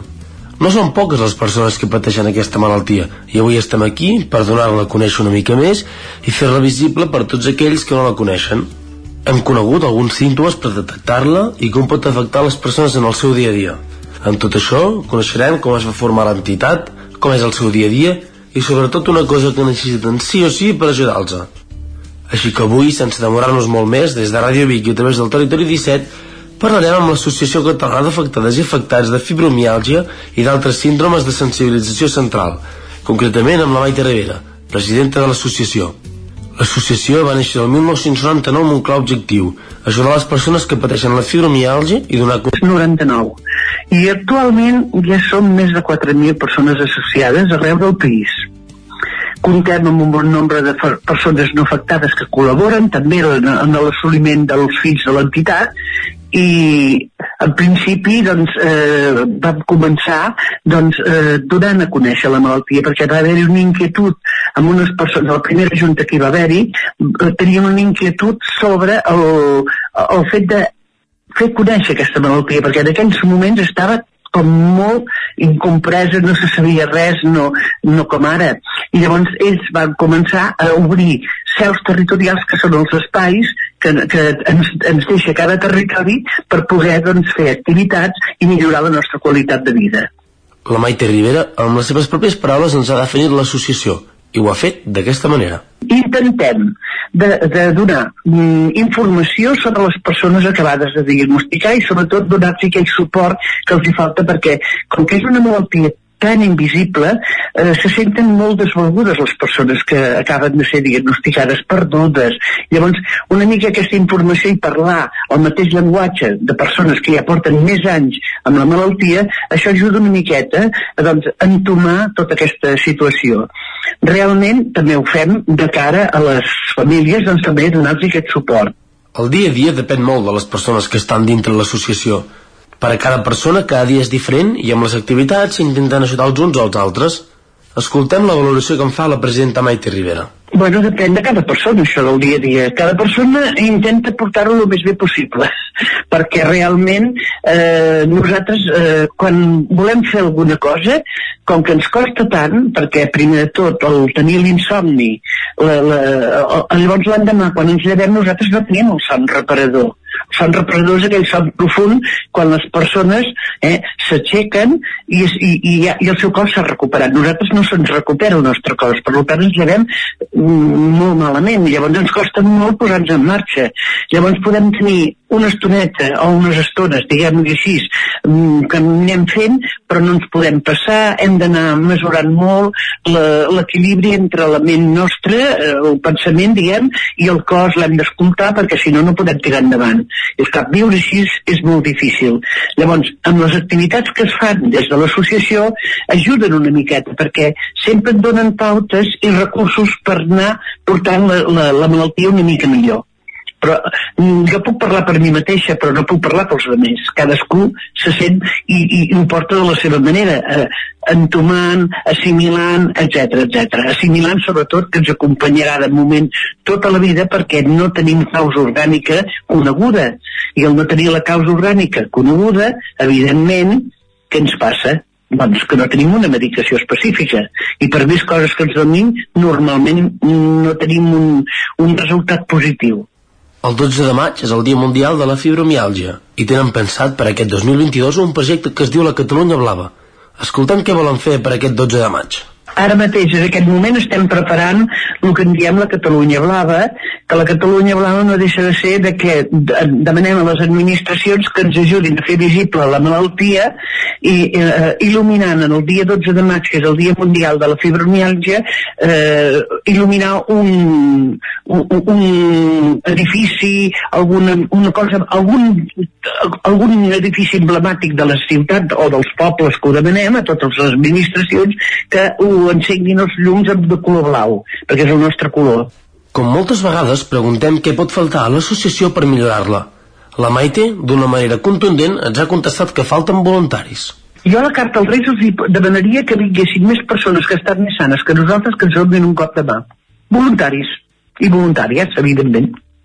Tan senzill com això, eh? Bueno, perquè ja en tenim, tenim un bon ventall de, de persones voluntàries, però, és clar costa, perquè ja sabeu que les entitats sense ànim de local s'hi costa molt tirar endavant Llavors, clar, tenim alguna subvenció, tenim coses, però realment el que fa falta és persones que eh, ens ajudin a fer-la visible i que siguin voluntaris i voluntàries, senzillament.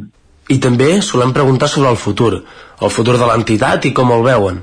La Maite Rivera el veu incert, perquè no sap què pot passar en un futur. No ho sé. De moment, en aquest moment no puc dir-te perquè, és clar, aquí hi ha un, un, un, un termini de junta directiva cada quatre anys, però s'ha de dir que de moment, des del 2003 que es va renovar la Junta, cada any ha, sigut la mateixa. No ho sé, quan toqui ja us ho diré, ara no ho sé, d'aquest moment. Perquè, és clar arribarà un moment doncs, que per edat tampoc ho, podré, ho podrem assumir les persones que estem a la Junta. No ho sé. Sincerament, en aquest moment no ho sé. Voldria que continués, que sortissin persones que ho tiressin endavant més joves que nosaltres, que els que estem en aquesta, en aquesta junta directiva, ojalà sortissin i ojalà doncs, ho puguem tirar endavant entre tots. El lema que fan servir és vine i ens ajudarem. I també ens han deixat un telèfon de contacte per si algun oient ens està escoltant i sap d'algun familiar o conegut que pateixi la fibromiàlgia.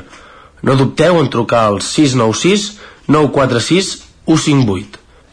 Un cop dit això, i haver indagat i conegut més a fons l'associació, també he vist l'oportunitat de conèixer com cada setmana alguna gran persona que està al capdavant de l'associació i sobretot vetlla pels altres. Buscar ajuda i buscar companyia. I com ben s'ha dit la Maite, busquen persones que estiguin més sanes que les persones que pateixen aquesta malaltia, perquè els ajudin. Entre tots, i junts, es pot aconseguir que els mals desapareguin.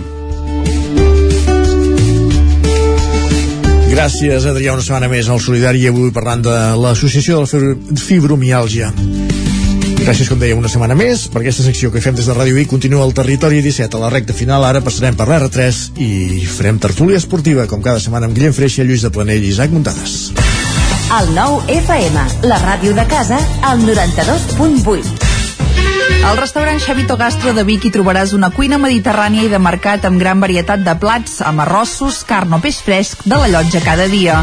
Vine a dinar de dimarts a divendres i prova el nostre menú diari per només 15 euros o a les nits de dijous a diumenge tastar el nostre menú degustació amb arrossos i tapes per 25 euros. Restaurant Xamito Gastro. Ens trobaràs al carrer Callnou número 9 de Vic i al telèfon 93 094 1172 o al 747 42 92 58.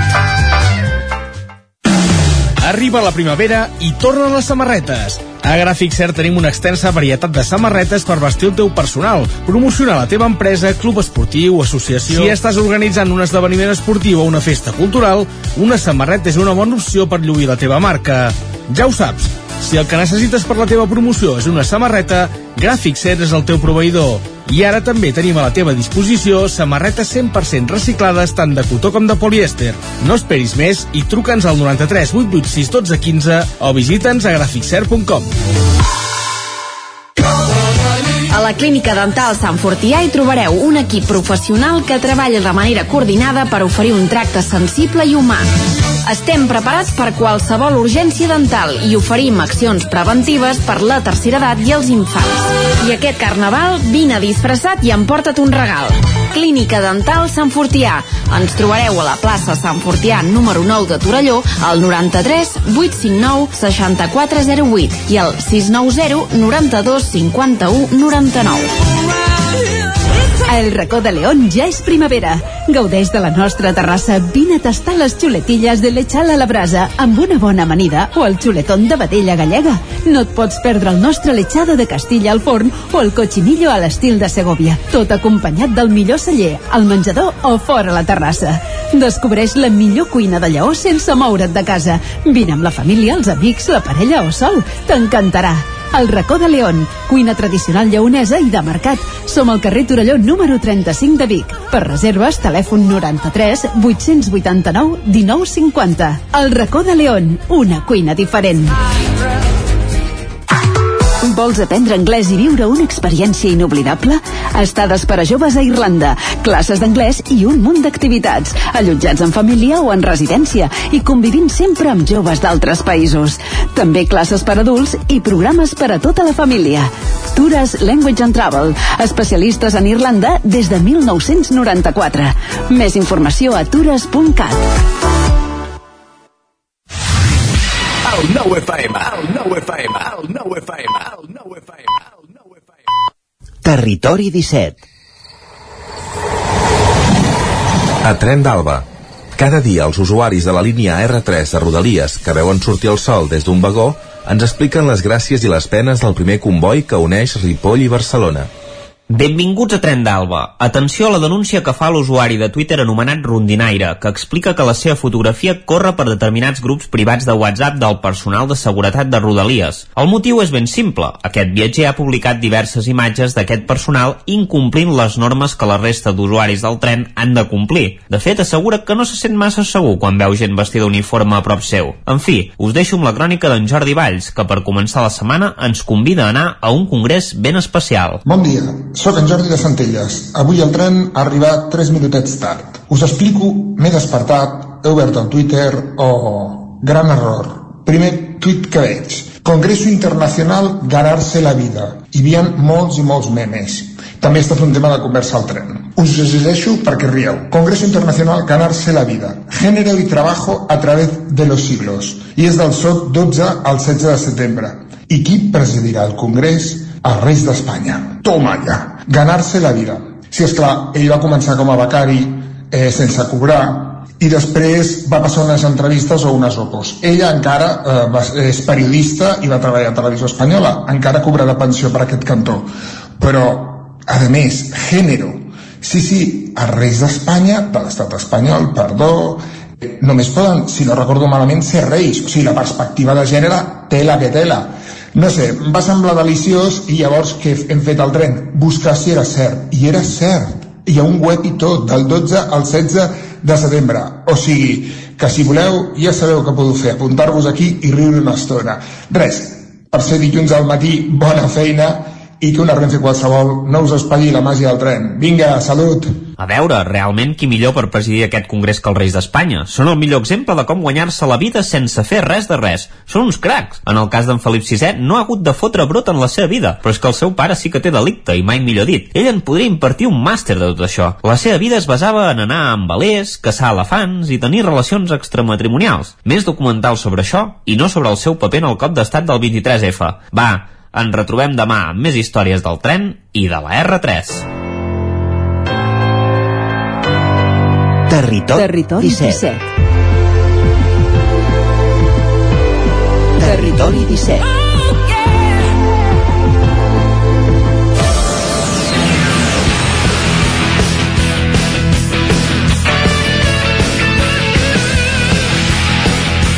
Tres minuts que passen de dos quarts de 12 al territori de 7. Obrim la tertúlia esportiva de cada dilluns després de la jornada futbolística eh, en companyia d'en Guillem Freixa, Lluís de Planell i l'Isaac Muntades. Bon dia a tots tres. Bon dia. Bon dia. Isaac, els requeriments de la Casa Bon. Reial els enviem a l'Oe de Sant Joan, eh?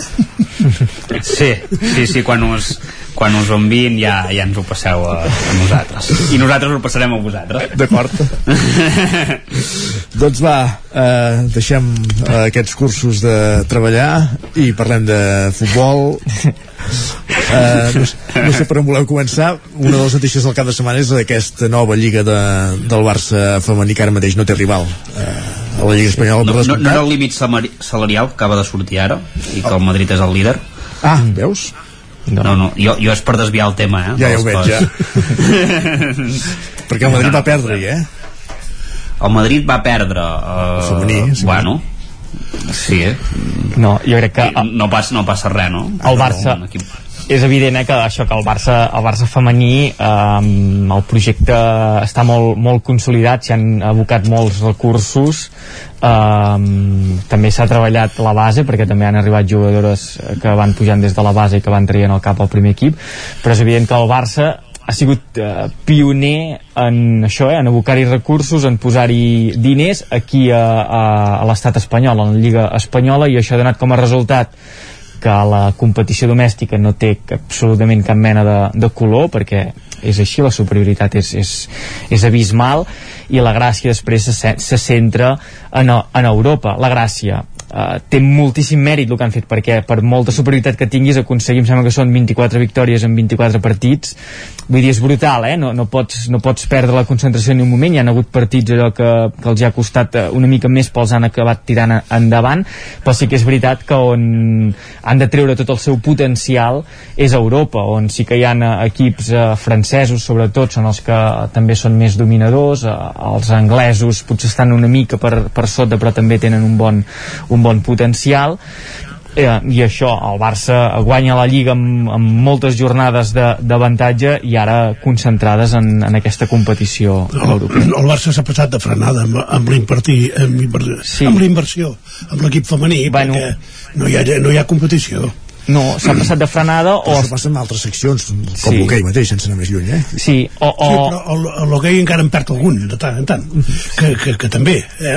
perquè la lliga és entre dos, l'hoquei lliga. Sí, sí, el Barça però, però el, en aquest cas el futbol femení, la diferència però... és, és tan abismal que gairebé sembla impossible que eh, inclús que puguin empatar un partit. Però també ens ho podem mirar com, com un estímul, no? O sigui, el Barça té una primera plantilla del futbol femení totalment professional i òbviament eh, les xifres que es mouen no són les del eh, masculí encara no s'ha arribat a, a aquesta situació d'igualtat però pot ser un estímul. Per exemple el Madrid segur que l'aposta del Madrid pel futbol femení eh, ha sigut accelerada perquè han vist que hi ha un Barça dominador que vulguis o no doncs, té minuts de televisió, que té planes de diari, que se'n se parla, que surt a gales de la FIFA quan hi van l'Alexia Putelles i la, la Lic Martens, eh, que, que ha sigut com un, també com un estímul per a aquests altres equips i jo crec que s'hi aniran afegint, el Madrid s'hi anirà afegint, ja hem vist que ha anat fent algun fitxatge aquesta temporada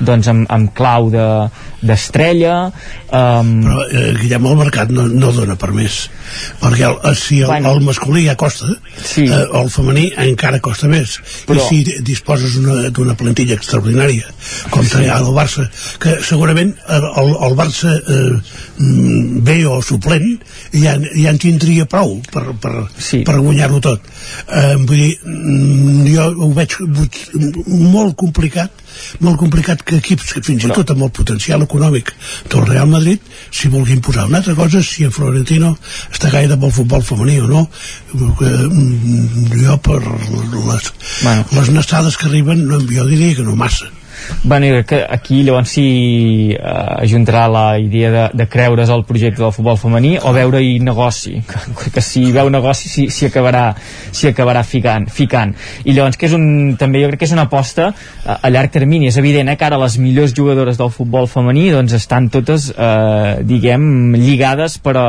per, per clubs ja amb, amb importants o que no les deixaran escapar, no sé que vagis allà i les fitxis a, a, cops de, a cop de talonari. Però que això també tornant a això dels estímuls, eh, també pot ser un estímul doncs, perquè en vagin apareixent de noves, perquè les jugadores es professionalitzin a eh, altres clubs que potser faran una feina més de formació, eh, bueno, que tot aquest engranatge del futbol femení doncs comenci a evolucionar. I, a, part, òbviament... a part que el futbol femení sembla que l'hàgim descobert ara perquè el Barça no. guanya. No, no. perquè el futbol femení té molts anys. Molts. Eh? L'Atlètic de Bilbao era un referent, l'Espanyol era un altre referent, i llavors hi havia equips no, eh, de, de, de, no, de, de clubs de professionals uh mhm. -huh. de, de primera divisió sinó altres equips l'Estartit exactament, vull dir que eh, eh, clubs que no, no, no tenen un, un futbol masculí destacat que en femení doncs, doncs eren, eren francament bones i llavors vull dir la, diguem que el futbol femení de moment està en un altre eh, grau diferent i llavors s'ha de veure aviam fins on pot arribar vam veure les imatges de el partit amb el Madrid uh mhm. -huh. que el Barça ja se sabia que, que, que hi campió i el Johan Cruyff un estadi de, de 5 o 6 mil persones no estava ple vull dir que eh, ahir la televisió era obert però no hi ha eh, cap, eh, sí, però... cap eh, en plataforma que, eh, que estigui disposat a, a pagar pel no, no, futbol femení. tot arribarà, que, doncs, és, és el camí que es va fent sí, doncs, sí, però el que passa que ja, ja som en allò. O sigui, la repercussió que té Barcelona o Catalunya perquè hi ha el Barça i perquè el Barça el guanya tot jo no sé si és la mateixa no. que té eh, Huelva que tenien un, o tenen un bon equip de futbol femení femení uh -huh. però és clar, està en un altre nivell. Està, no, no té gaire res a veure no, però crec que... amb, el, amb el que entenem per, per això per, o sigui, per, pel futbol i per l'atractiu per els mitjans de, de a, comunicació. a les xifres de seguiment de negoci de diners que mou el futbol masculí jo crec que ara mateix encara no s'hi arribarà a la venda d'entrades, a la venda de samarretes, però sí que pot ser una, no, una locomotora doncs, per, per començar a, a activar el carro i ja més enllà eh, del tema esportiu. Eh, ara pel 8 de març no, doncs vam fer un tema aquí al 9-9 amb, amb nenes i aquestes nenes doncs, ja ens deien que les seves referents doncs, eh, en algunes d'elles era l'Alexia Botelles. Això fa, és que fa 10 anys Mm, jo crec que qualsevol no, nen no, no, o nena... 10 no, 3. O, bueno, sí, o 3. Ja he anat potser molt enrere, eh? però que no hi havia aquests referents i ara hi són, és evident eh, això que, que, que encara no ompliran o bueno, sí que ompliran, no? perquè el Camp Nou em sembla que juguen ara ah, són unes, i, i s'omplirà, vull dir que ah, interès n'hi ha, l'únic que potser encara no es monetitza com sí que passa amb el futbol masculí, però sí que es van fent aquestes, aquestes, aquestes derivades. I una anècdota, jo ara, ara has dit això de l'Espanyol i sí me fa molt gràcia quan parlem de l'Espanyol femení, perquè jo per exemple una de les primeres entrevistes que vaig fer fent de periodista eh, diguem ja sènior, havent sortit de la carrera va ser amb una tal Vero Boquete que era com, bueno, mm, com Messi podríem dir, era una, una, una puntal del futbol eh, femení. Vull dir que també em fa, em fa gràcia i, i ho reconec això, eh, que l'Espanyol eh, va ser durant molt temps referència. L'únic que segurament quan s'ha començat a ficar més diners o s'ha hagut d'invertir més la cosa ha anat i, i amb títols en té molts més que el Barça uh -huh. entre altres coses perquè per, per exemple l'Alexia uh -huh. eh, quan va acabar eh, o sigui quan va arribar en edat cadet va haver de deixar el Barça i va fitxar per l'Espanyol quatre temporades perquè el Barça no tenia equip sèrie femení mm o sigui el, el, el femení del Barça s'acabava amb les eh, edat cadet sí, és... o infantil cadet, no sé com ne diuen eh? és, és aquesta idea d'apostar i tenir recursos i ara el Barça doncs, ha coincidit les dues coses Exacte. no? si aposta i, i, hi han, hi han recursos Però jo insisteixo eh, que no sé si l'interès pel futbol femení que ara ha aparegut a, a nivell català no sé si passant Clar eh, les nostres fronteres eh, és, és de, del grau de l'interès que, que, que jo crec veiem que, aquí. Jo crec que n'hi tindrà el dia que això, que hi hagi un club punter que també s'hi aposti. L'Atlético de Madrid va fer no, una mica un amago sí. per, per fer-ho, però al final ho va frenar, suposo, també marcat per la situació econòmica eh, de tot plegat. El Madrid ara deu estar en aquell punt que deuen estar valorant molt bé si fan el pas o no fan el pas d'apostar-hi fort um, bueno, jo crec que, que um, hi han d'haver locomotores que estibin a, a aquest uh, futbol femení i que llavors la resposta segur que la, que la tindrem perquè ara cada cop veiem no, que aquí a la comarca mateix uh, hi han molts clubs que aposten per, per futbol femení en categories de, de base. Llavors a les grans costa més eh, que continuïn en els primers equips però amb nenes petites que, que juguen a futbol i això també no són diners però també és uh, un guany eh, per la societat que, que hi hagi aquests, aquests no, i, recorreguts i l'avantatge de, de, de, de, les, de les criatures perquè en aquest cas s'ha de parlar uh mhm. -huh. així és que em penso que fins a infantil mentre és futbol set les nenes i els nens juguen junts uh mhm. -huh. i llavors sí, sí. això mm, mm, també diguem fa que hi hagi alguna nena més que, que, que jugui perquè eh, si haguessin de fer una plantilla uh mhm. -huh. amb, no sé, en el futbol futbol 7 doncs, amb 10, 12, 15 jugadores potser no, no, no, no, no podria, no, no, no hi hauria prou nenes. Per mm. tant, des d'aquest punt de vista jo ho veig perfectament. El que m'estrany és que l'Isaac eh, no ens parli de, de, de, del que va passar al Bernabéu l'altre dia. Què, què? no, no, no. Ah, no, bueno, no, és que ara estava sentint parlar. Bueno, potser, potser també el que haurem de fer aquí a la tertúlia és també portar alguna dona perquè ens parli sí. de futbol femení que jo crec que estaria podem parlar els homes, estaria bé. podem parlar els homes també de futbol femení sí, sí, no? podem parlar però que jo penso que també no, a, a, a vegades poder ens falta això no? que també hi tinguem el, alguna dona parlant de, de futbol que jo penso que, que està bé sobretot per l'altre dia vam fer una tertúlia de dones i, i, i jo sempre hi he trobat que el punt de vista estaria bé no sé si l'Ester no, algun dia s'animarà a venir o, o això però li podem proposar que, però els dilluns li podem proposar li, sé, sé que va molt de bòlit per això això, per, això, ho- per això ho comento, eh? no, però, no, però bueno, uh, no, no, ara parlar, abans de parlar del dimecres passat, eh? que també sí, evidentment en parlarem, eh? només faltaria, eh? però, però jo crec que sí que, que això que comentàveu, eh? falta un impuls al, al futbol femení que es tradueix en que tots els equips hi apostin i actualment a, a, la, a la primera divisió de la Liga Iberdrola jo crec que hi aposta el Barça només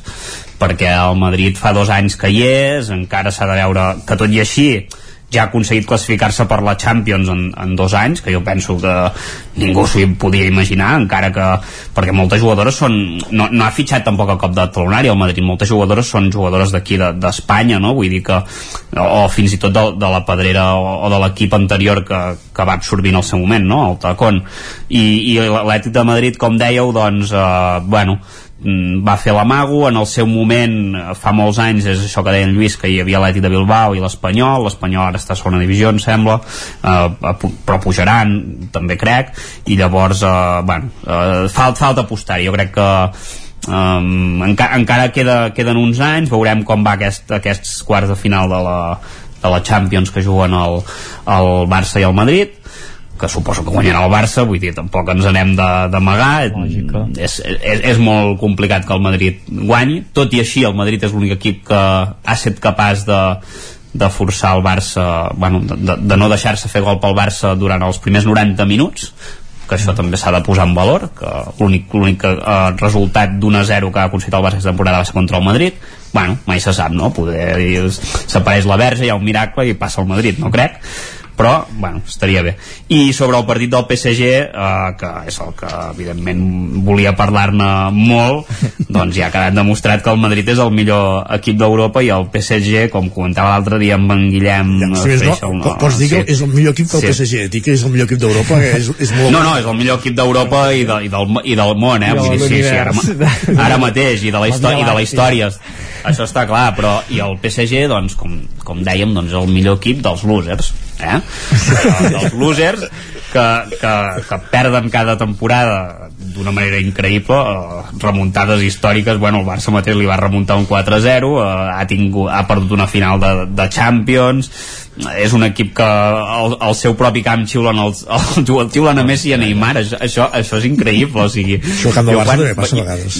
i, sí, però no, no, però Messi no l'han xiulat mai Ah, no, al camp Messi del no, Barça no, Messi no. i en Neymar eh, jo diria que tampoc però, però, però, però bueno, no, no, ara, ara no t'ho sabria dir, però jo és que l'altre dia, ara a Esport 3 donen tots els partits del, del PSG, Sí. abans no, abans no perquè no hi havia Messi no interessava, L'any sí. que ve ja tampoc, però, hi serà. però, exacte, i l'any que ve ja veurem, però els donen i, i jo vaig estar mirant un, una estoneta i era brutal, és que cada cop que bueno, sí, sí. Els, els xiulaven en ells i xiulaven uns quants més, eh? no Sí, sí. només en ells eh? però, però és un equip, sí, quan va marcar el Neymar la gent no aplaudia, la gent feia bu, bu vull dir, és que m'enten- m'enteneu què vull N'hi dir, ha no? per xiular-los, o sigui, Sí, home. eh, et poses en la posició d'un aficionat del PSG i costa de- d'entendre el que ha anat passant amb aquest club El- els últims el anys, perquè gol. Uh, vull dir, projectes similars com podrien ser, per exemple, el Chelsea, que també va ser un club, no?, que el no res, amb una inversió molt però ha potent. guanyat dos Champions el Sí, sí, Chelsea, eh? exacte, i que de seguida van ser un equip molt competitiu i que de seguida van estar lluitant per accedir a, a finals europees, a, a la Lliga anglesa, el PSG a la Lliga francesa ha dominat, però és que n'ha perdut de lligues franceses, que és, és greu que n'hagi perdut. l'últim- la- sí, sí. l'última. Vull dir que és greu que n'hagin perdut de lligues franceses amb el potencial que, que tenen. I jo crec Sí, que aquí la tecla que no acaben de trobar és uh, de, de visió, no? de, de, de projecte. Perquè... I de, i de què els, els catalans ho tenim molt clar dos galls amb un galliner no pot ser o sigui, no pots fitxar els millors jugadors No, no. perquè tens cèntims per fer-ho Un àlbum de Però és cromos. que no n'hi no, no ha dos, eh, Lluís, n'hi ha més, eh? No, no, és que n'hi ha un no, no, no, no, perquè per N'hi ha això com 7 o 8 de galls. no, no, aquí, aquí vaig, aquí Sí, vaig sí. que és clar, el que no pots fer és dir aviam, aquest, eh, eh, aquest és bo cap aquí, aquest Sí, és bo sí, aviam, sí. però eh, s'acopleran aquests senyors Exacte. tenen Exacte. tens un dibuix tàctic per, per, que, que encaixi tot, totes aquestes figures sí, sí. que vols agafar eh, l'entrenador qui és? Sí, sí. perquè el, el, el, el Pochettino jo diria que durarà no, no, 10 bueno. minuts, perquè ara ja no, no s'hi juga res. La Lliga eh, francesa aquesta vegada la tenen eh, sí, sí, pràcticament garantida i per tant ja eh, es tracta d'acabar la temporada. Uh Mhm. -huh. Però llavors qui portarà la temporada que ve? I qui s'hi voldrà posar, sí, sí. també. Exacte, i llavors eh, com, com, com acoples aquesta gent? O sigui, potser hauries de fer fora alguns, ja no parlo de noms, hauries de, de fer fora alguns d'aquests cracs per fitxar sí, sí. jugadors que et convinguin. A, a veure, Mbappé, Mbappé vindrà al Madrid, vull dir, un, un ja no el tens sé. fora. Jo crec que... Com que no saps? Clar que vindrà no, al Madrid. No, amb Però si aquesta fitxat. sacsejada, bueno, precisament amb aquesta sacsejada jo crec que ho entendran, que el PSG té ara mateix el millor jugador del món, és Mbappé, jo crec que no hi ha, no hi ha discussió. És Sí, un jugador... acaba contracte, eh? Sí, sí, però que faran un esforç eh, el, el que no està escrit per guardar-lo, i que llavors jo crec que algú els hi farà veure que el projecte s'ha de muntar però, perdona, al voltant però d'Mbappé. És que l'Mbappé ja fa dies que hi és Bueno, al però- Paris Saint-Germain Sí, però i, fins i ara no no- guanyen res. però fins ara és el que dèiem li han anat, no ha jugat tot l'equip per ell li han anat portant que si Neymar que si Messi que si, no sé, uh, Berratti que hi ha, vull dir, hi ha molts jugadors Berratti hi era, hi era abans, eh? al seu, sí, allà al seu voltant que, esclar, no juguen tots per Mbappé. Jo crec que s'ha de fer un projecte tot per Mbappé. És el jugador que han de protegir i que això no ho han entès i potser amb aquesta patacada ho hauran entès i ara... Llavors han de fer fora en Messi i en, i en Neymar. No, no, està clar que jo crec que està clar que van a fora aquests dos jugadors. Oh, no sé. Sí, perquè no... I on van? El, El, rendiment- el Barça, bueno, això que no. té 144 milions del límit No. de salari salarial s'hauran de, s'hauran de buscar la vida i jo crec que Messi ah. uh, ara sí que potser haurà de fer un Per pas anar al curs aquest amb el rei, a aprendre a buscar-se la vida. Això. Exacte. Bueno, aquests ja, com que ja tenen molts calés, ja el tenen Sí, no va aquí. No, Messi, Estats Units, suposo. Sí, Messi sí que haurà de fer aquest pas ja enrere definitiu de, de el, el tram final de la seva carrera i Neymar doncs intentar eh, no diria enganyar però intentar trobar alguna algun club que encara li, li doni un projecte eh, doncs engrescador. Uh, no, que no, no crec que, que vingui perquè fa bastant fred No sé si li voldries, eh, llavors, Isaac. Bueno, clar, s'hauria de pagar algun dineret, eh? no sé. Eh? aniries a xiular al cap de setmana et veuríem allà a la banda Sí, sí. Allà a la banda. al camp, el que hem de veure ja. Sí, sí, Dades. Sí. No, jo, jo crec que això, que hi haurà aquesta sacsejada i que, que, que el, el jeque que hi ha al PSG, no?, que va perdre els estreps, eh, jo crec d'aquesta frustració, perquè és, és, és greu, no?, que amb el que han arribat a abocar, amb els anys que fa que ho van intentant, eh, no se n'hagin en, en sortit. És que jo no sé qui, eh, si els diners no són del jeque o, o els hi deixo algú perquè si els hi deixo algú eh, el primer que hauria de fer és prescindir d'aquest jeque i anar per, per un altre que entengués una mica de futbol Sí, em sembla que és algun seu familiar, no?, el que, diguem, el que té els diners, diners, em sembla que és un... aquesta Sí, família. és el jeque de Qatar. I ell és com el Sí, el gestor... president, ell és el president. i llavors hi ha en Leonardo, no?, que també és el, com el director esportiu. esportiu, em sembla. sí. Bueno, o sigui, l'encert, entre cometes, de fitxar en Ramos ja et demostra Sí, sí. eh, com, Sí, hòstia. Bueno, els cromos... Cinc partits ha jugat Sergio Ramos. no, Ostres, Cinc. que són cromos i, i això, vull dir, el Madrid a, a Europa realment, doncs la, allò que la samarreta pesa, doncs jo crec que la samarreta del Madrid pesa a Europa i ho van tornar eh, a demostrar i a la Champions això, eh, a la Champions el Madrid tira endavant i si em deixeu parlar una mica del Barça doncs... Sí, ara, ara hi anàvem, va. Vols dir que cal? És Home. 4-0. no, esclar, el Barça Fins i tot va marcar Riqui Puig, imagina't. sí, va jugar Riqui Puig, ja seria notícia Exacte, aquesta és la notícia. Vull dir que, no, un Barça que, que, que tornem a estar en aquest uh, punt, eh, el que, que anàvem dient, que combina bones actuacions amb, con- amb actuacions una mica més discretes. Jo crec que el dia del Galatasaray uh, el partit va ser un monòleg del Barça, però no es va trobar la tecla per, per marcar algun, algun gol que hagués desmuntat tot el pla de, del Galatasaray de Domènec Torrent um, bueno, s'haurà de guanyar a Turquia que jo crec que és totalment factible guanyar uh, a si més Turquia no, que fer un injerto de pelo, almenys. Bueno, llavors aprofitant, eh? Ja cosa. que estan Sí. allà. Dani Alves amb això, no sé... Ah, no, clar, que no juga la- l'Europa League, anava a dir. Sí, no? pot, pot aprofitar. Sí, podria pro aprofitar. De totes maneres, si la referència ha de ser el partit d'ahir, després No, de, de, de, de Teresa de Calcuta, amb bona gent, ve la defensa de, de l'Ossassuna. Sí. De l'Ossassuna. I, els, I els penals inventats, que, que jo ja, bueno, el penal és totalment inventat. Home, però se l'emporta no, per davant, no? No és penal, estic veient ara mateix, no ho és.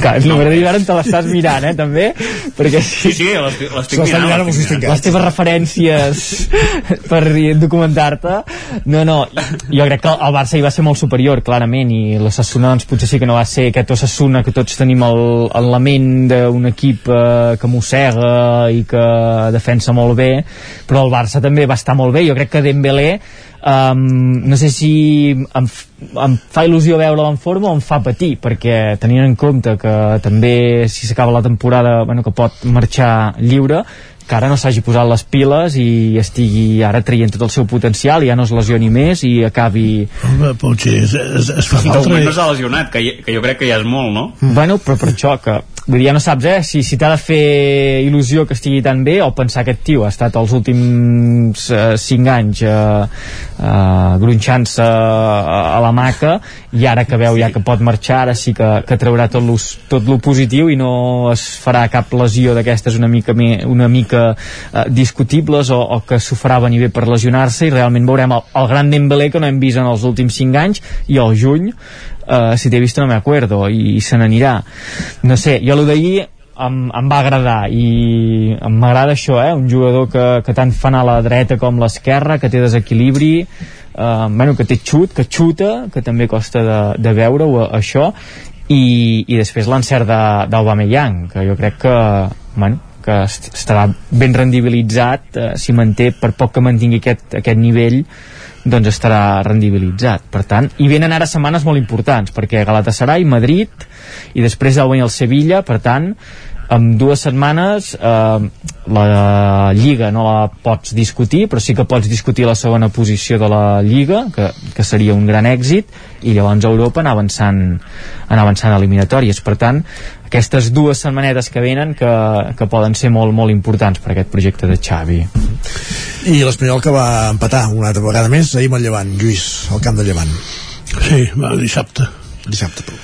Eh, bé, vam, vam tenir mala sort. A nosaltres, eh, hi ha un jugador que, que em té absolutament despistat, perquè tothom en, en diu meravelles, que és el porter eh, eh, en Joan Garcia. Això has dit més d'un cop, és veritat. Tothom parla de que aquest nano serà una figura de, del, del futbol, però no, i els partits que ha jugat, en, de moment, ens ha fet perdre punts, tant amb l'Elx, la Copa del Rei doncs, ens va complicar la, la història i el dissabte al camp del Llevant també l'única ocasió que li van arribar doncs no, no van ser encertat i, i eh, l'equip va empatar. De totes maneres nosaltres estem en una altra competició ja perquè som en la zona aquella que no ens agrada en absolut, a la terra de, de ningú i que si vas guanyant els partits de casa i encara que, que a, a fora no facis gaire res doncs ja, ja has fet la feina. Tampoc eh, tens gaires possibilitats d'anar a Europa i llavors bé, és, és una mica ensupit és acabar la competició com sigui i aviam si al final doncs és veritat que algú compra aquesta, aquesta entitat i, i dona una mica més d'importància a, a la part esportiva Algú compra l'Espanyol, dius? Eh, això, Els, els, est- els Estats Units. Sí, sí, d'això es parla. O sigui que s'ho vengués en, no, no n'era conscient d'això. Xen. Sí, sí, sí, es, es veu que hi ha una oferta més o menys en, ferm o sigui, que n'hi han hagut moltes això sí que se sap i en cap moment eh, el, el xinès va voler ni, ni sentir-ne parlar aquesta, com que ve d'una franquícia que em, té eh, esports importants com el bàsquet als Estats Units doncs eh, aquesta es veu que ja, ja ho escolta una mica més bé jo tampoc entenia per què un senyor eh, mm, fa una inversió com aquesta i es gasta més de, de 200 milions per una entitat doncs és clar, si em fa 250 o 300 que és el que demana doncs Pues sí. Ho, ho, segui- ho anirem seguint. Gràcies a tots tres, hem d'acabar aquí. Guillem Freixa, Lluís de Planell i Isaac Montades. Fins dilluns vinent. Adeu. Adéu, vagi I acabem també el territori 17. Us hem acompanyat des de les 9, Pepa Costa, Caral Campàs, Guillem Sánchez, Gemma Permanyer, Òscar Muñoz, Esther Rovira, Núria Lázaro, Adrià Oliveres, Isaac Montades, Lluís de Planell, Guillem Freixa, Guillem Freixa, com dèiem, Jordi Sunyer i Isaac Moreno. I tornem demà. Territori 17, un magazín del nou FM. La veu de Sant Joan, Ona Codinenca i Ràdio Cardedeu amb el suport de la xarxa. Serà a partir de les 9. Bon dia. El nou FM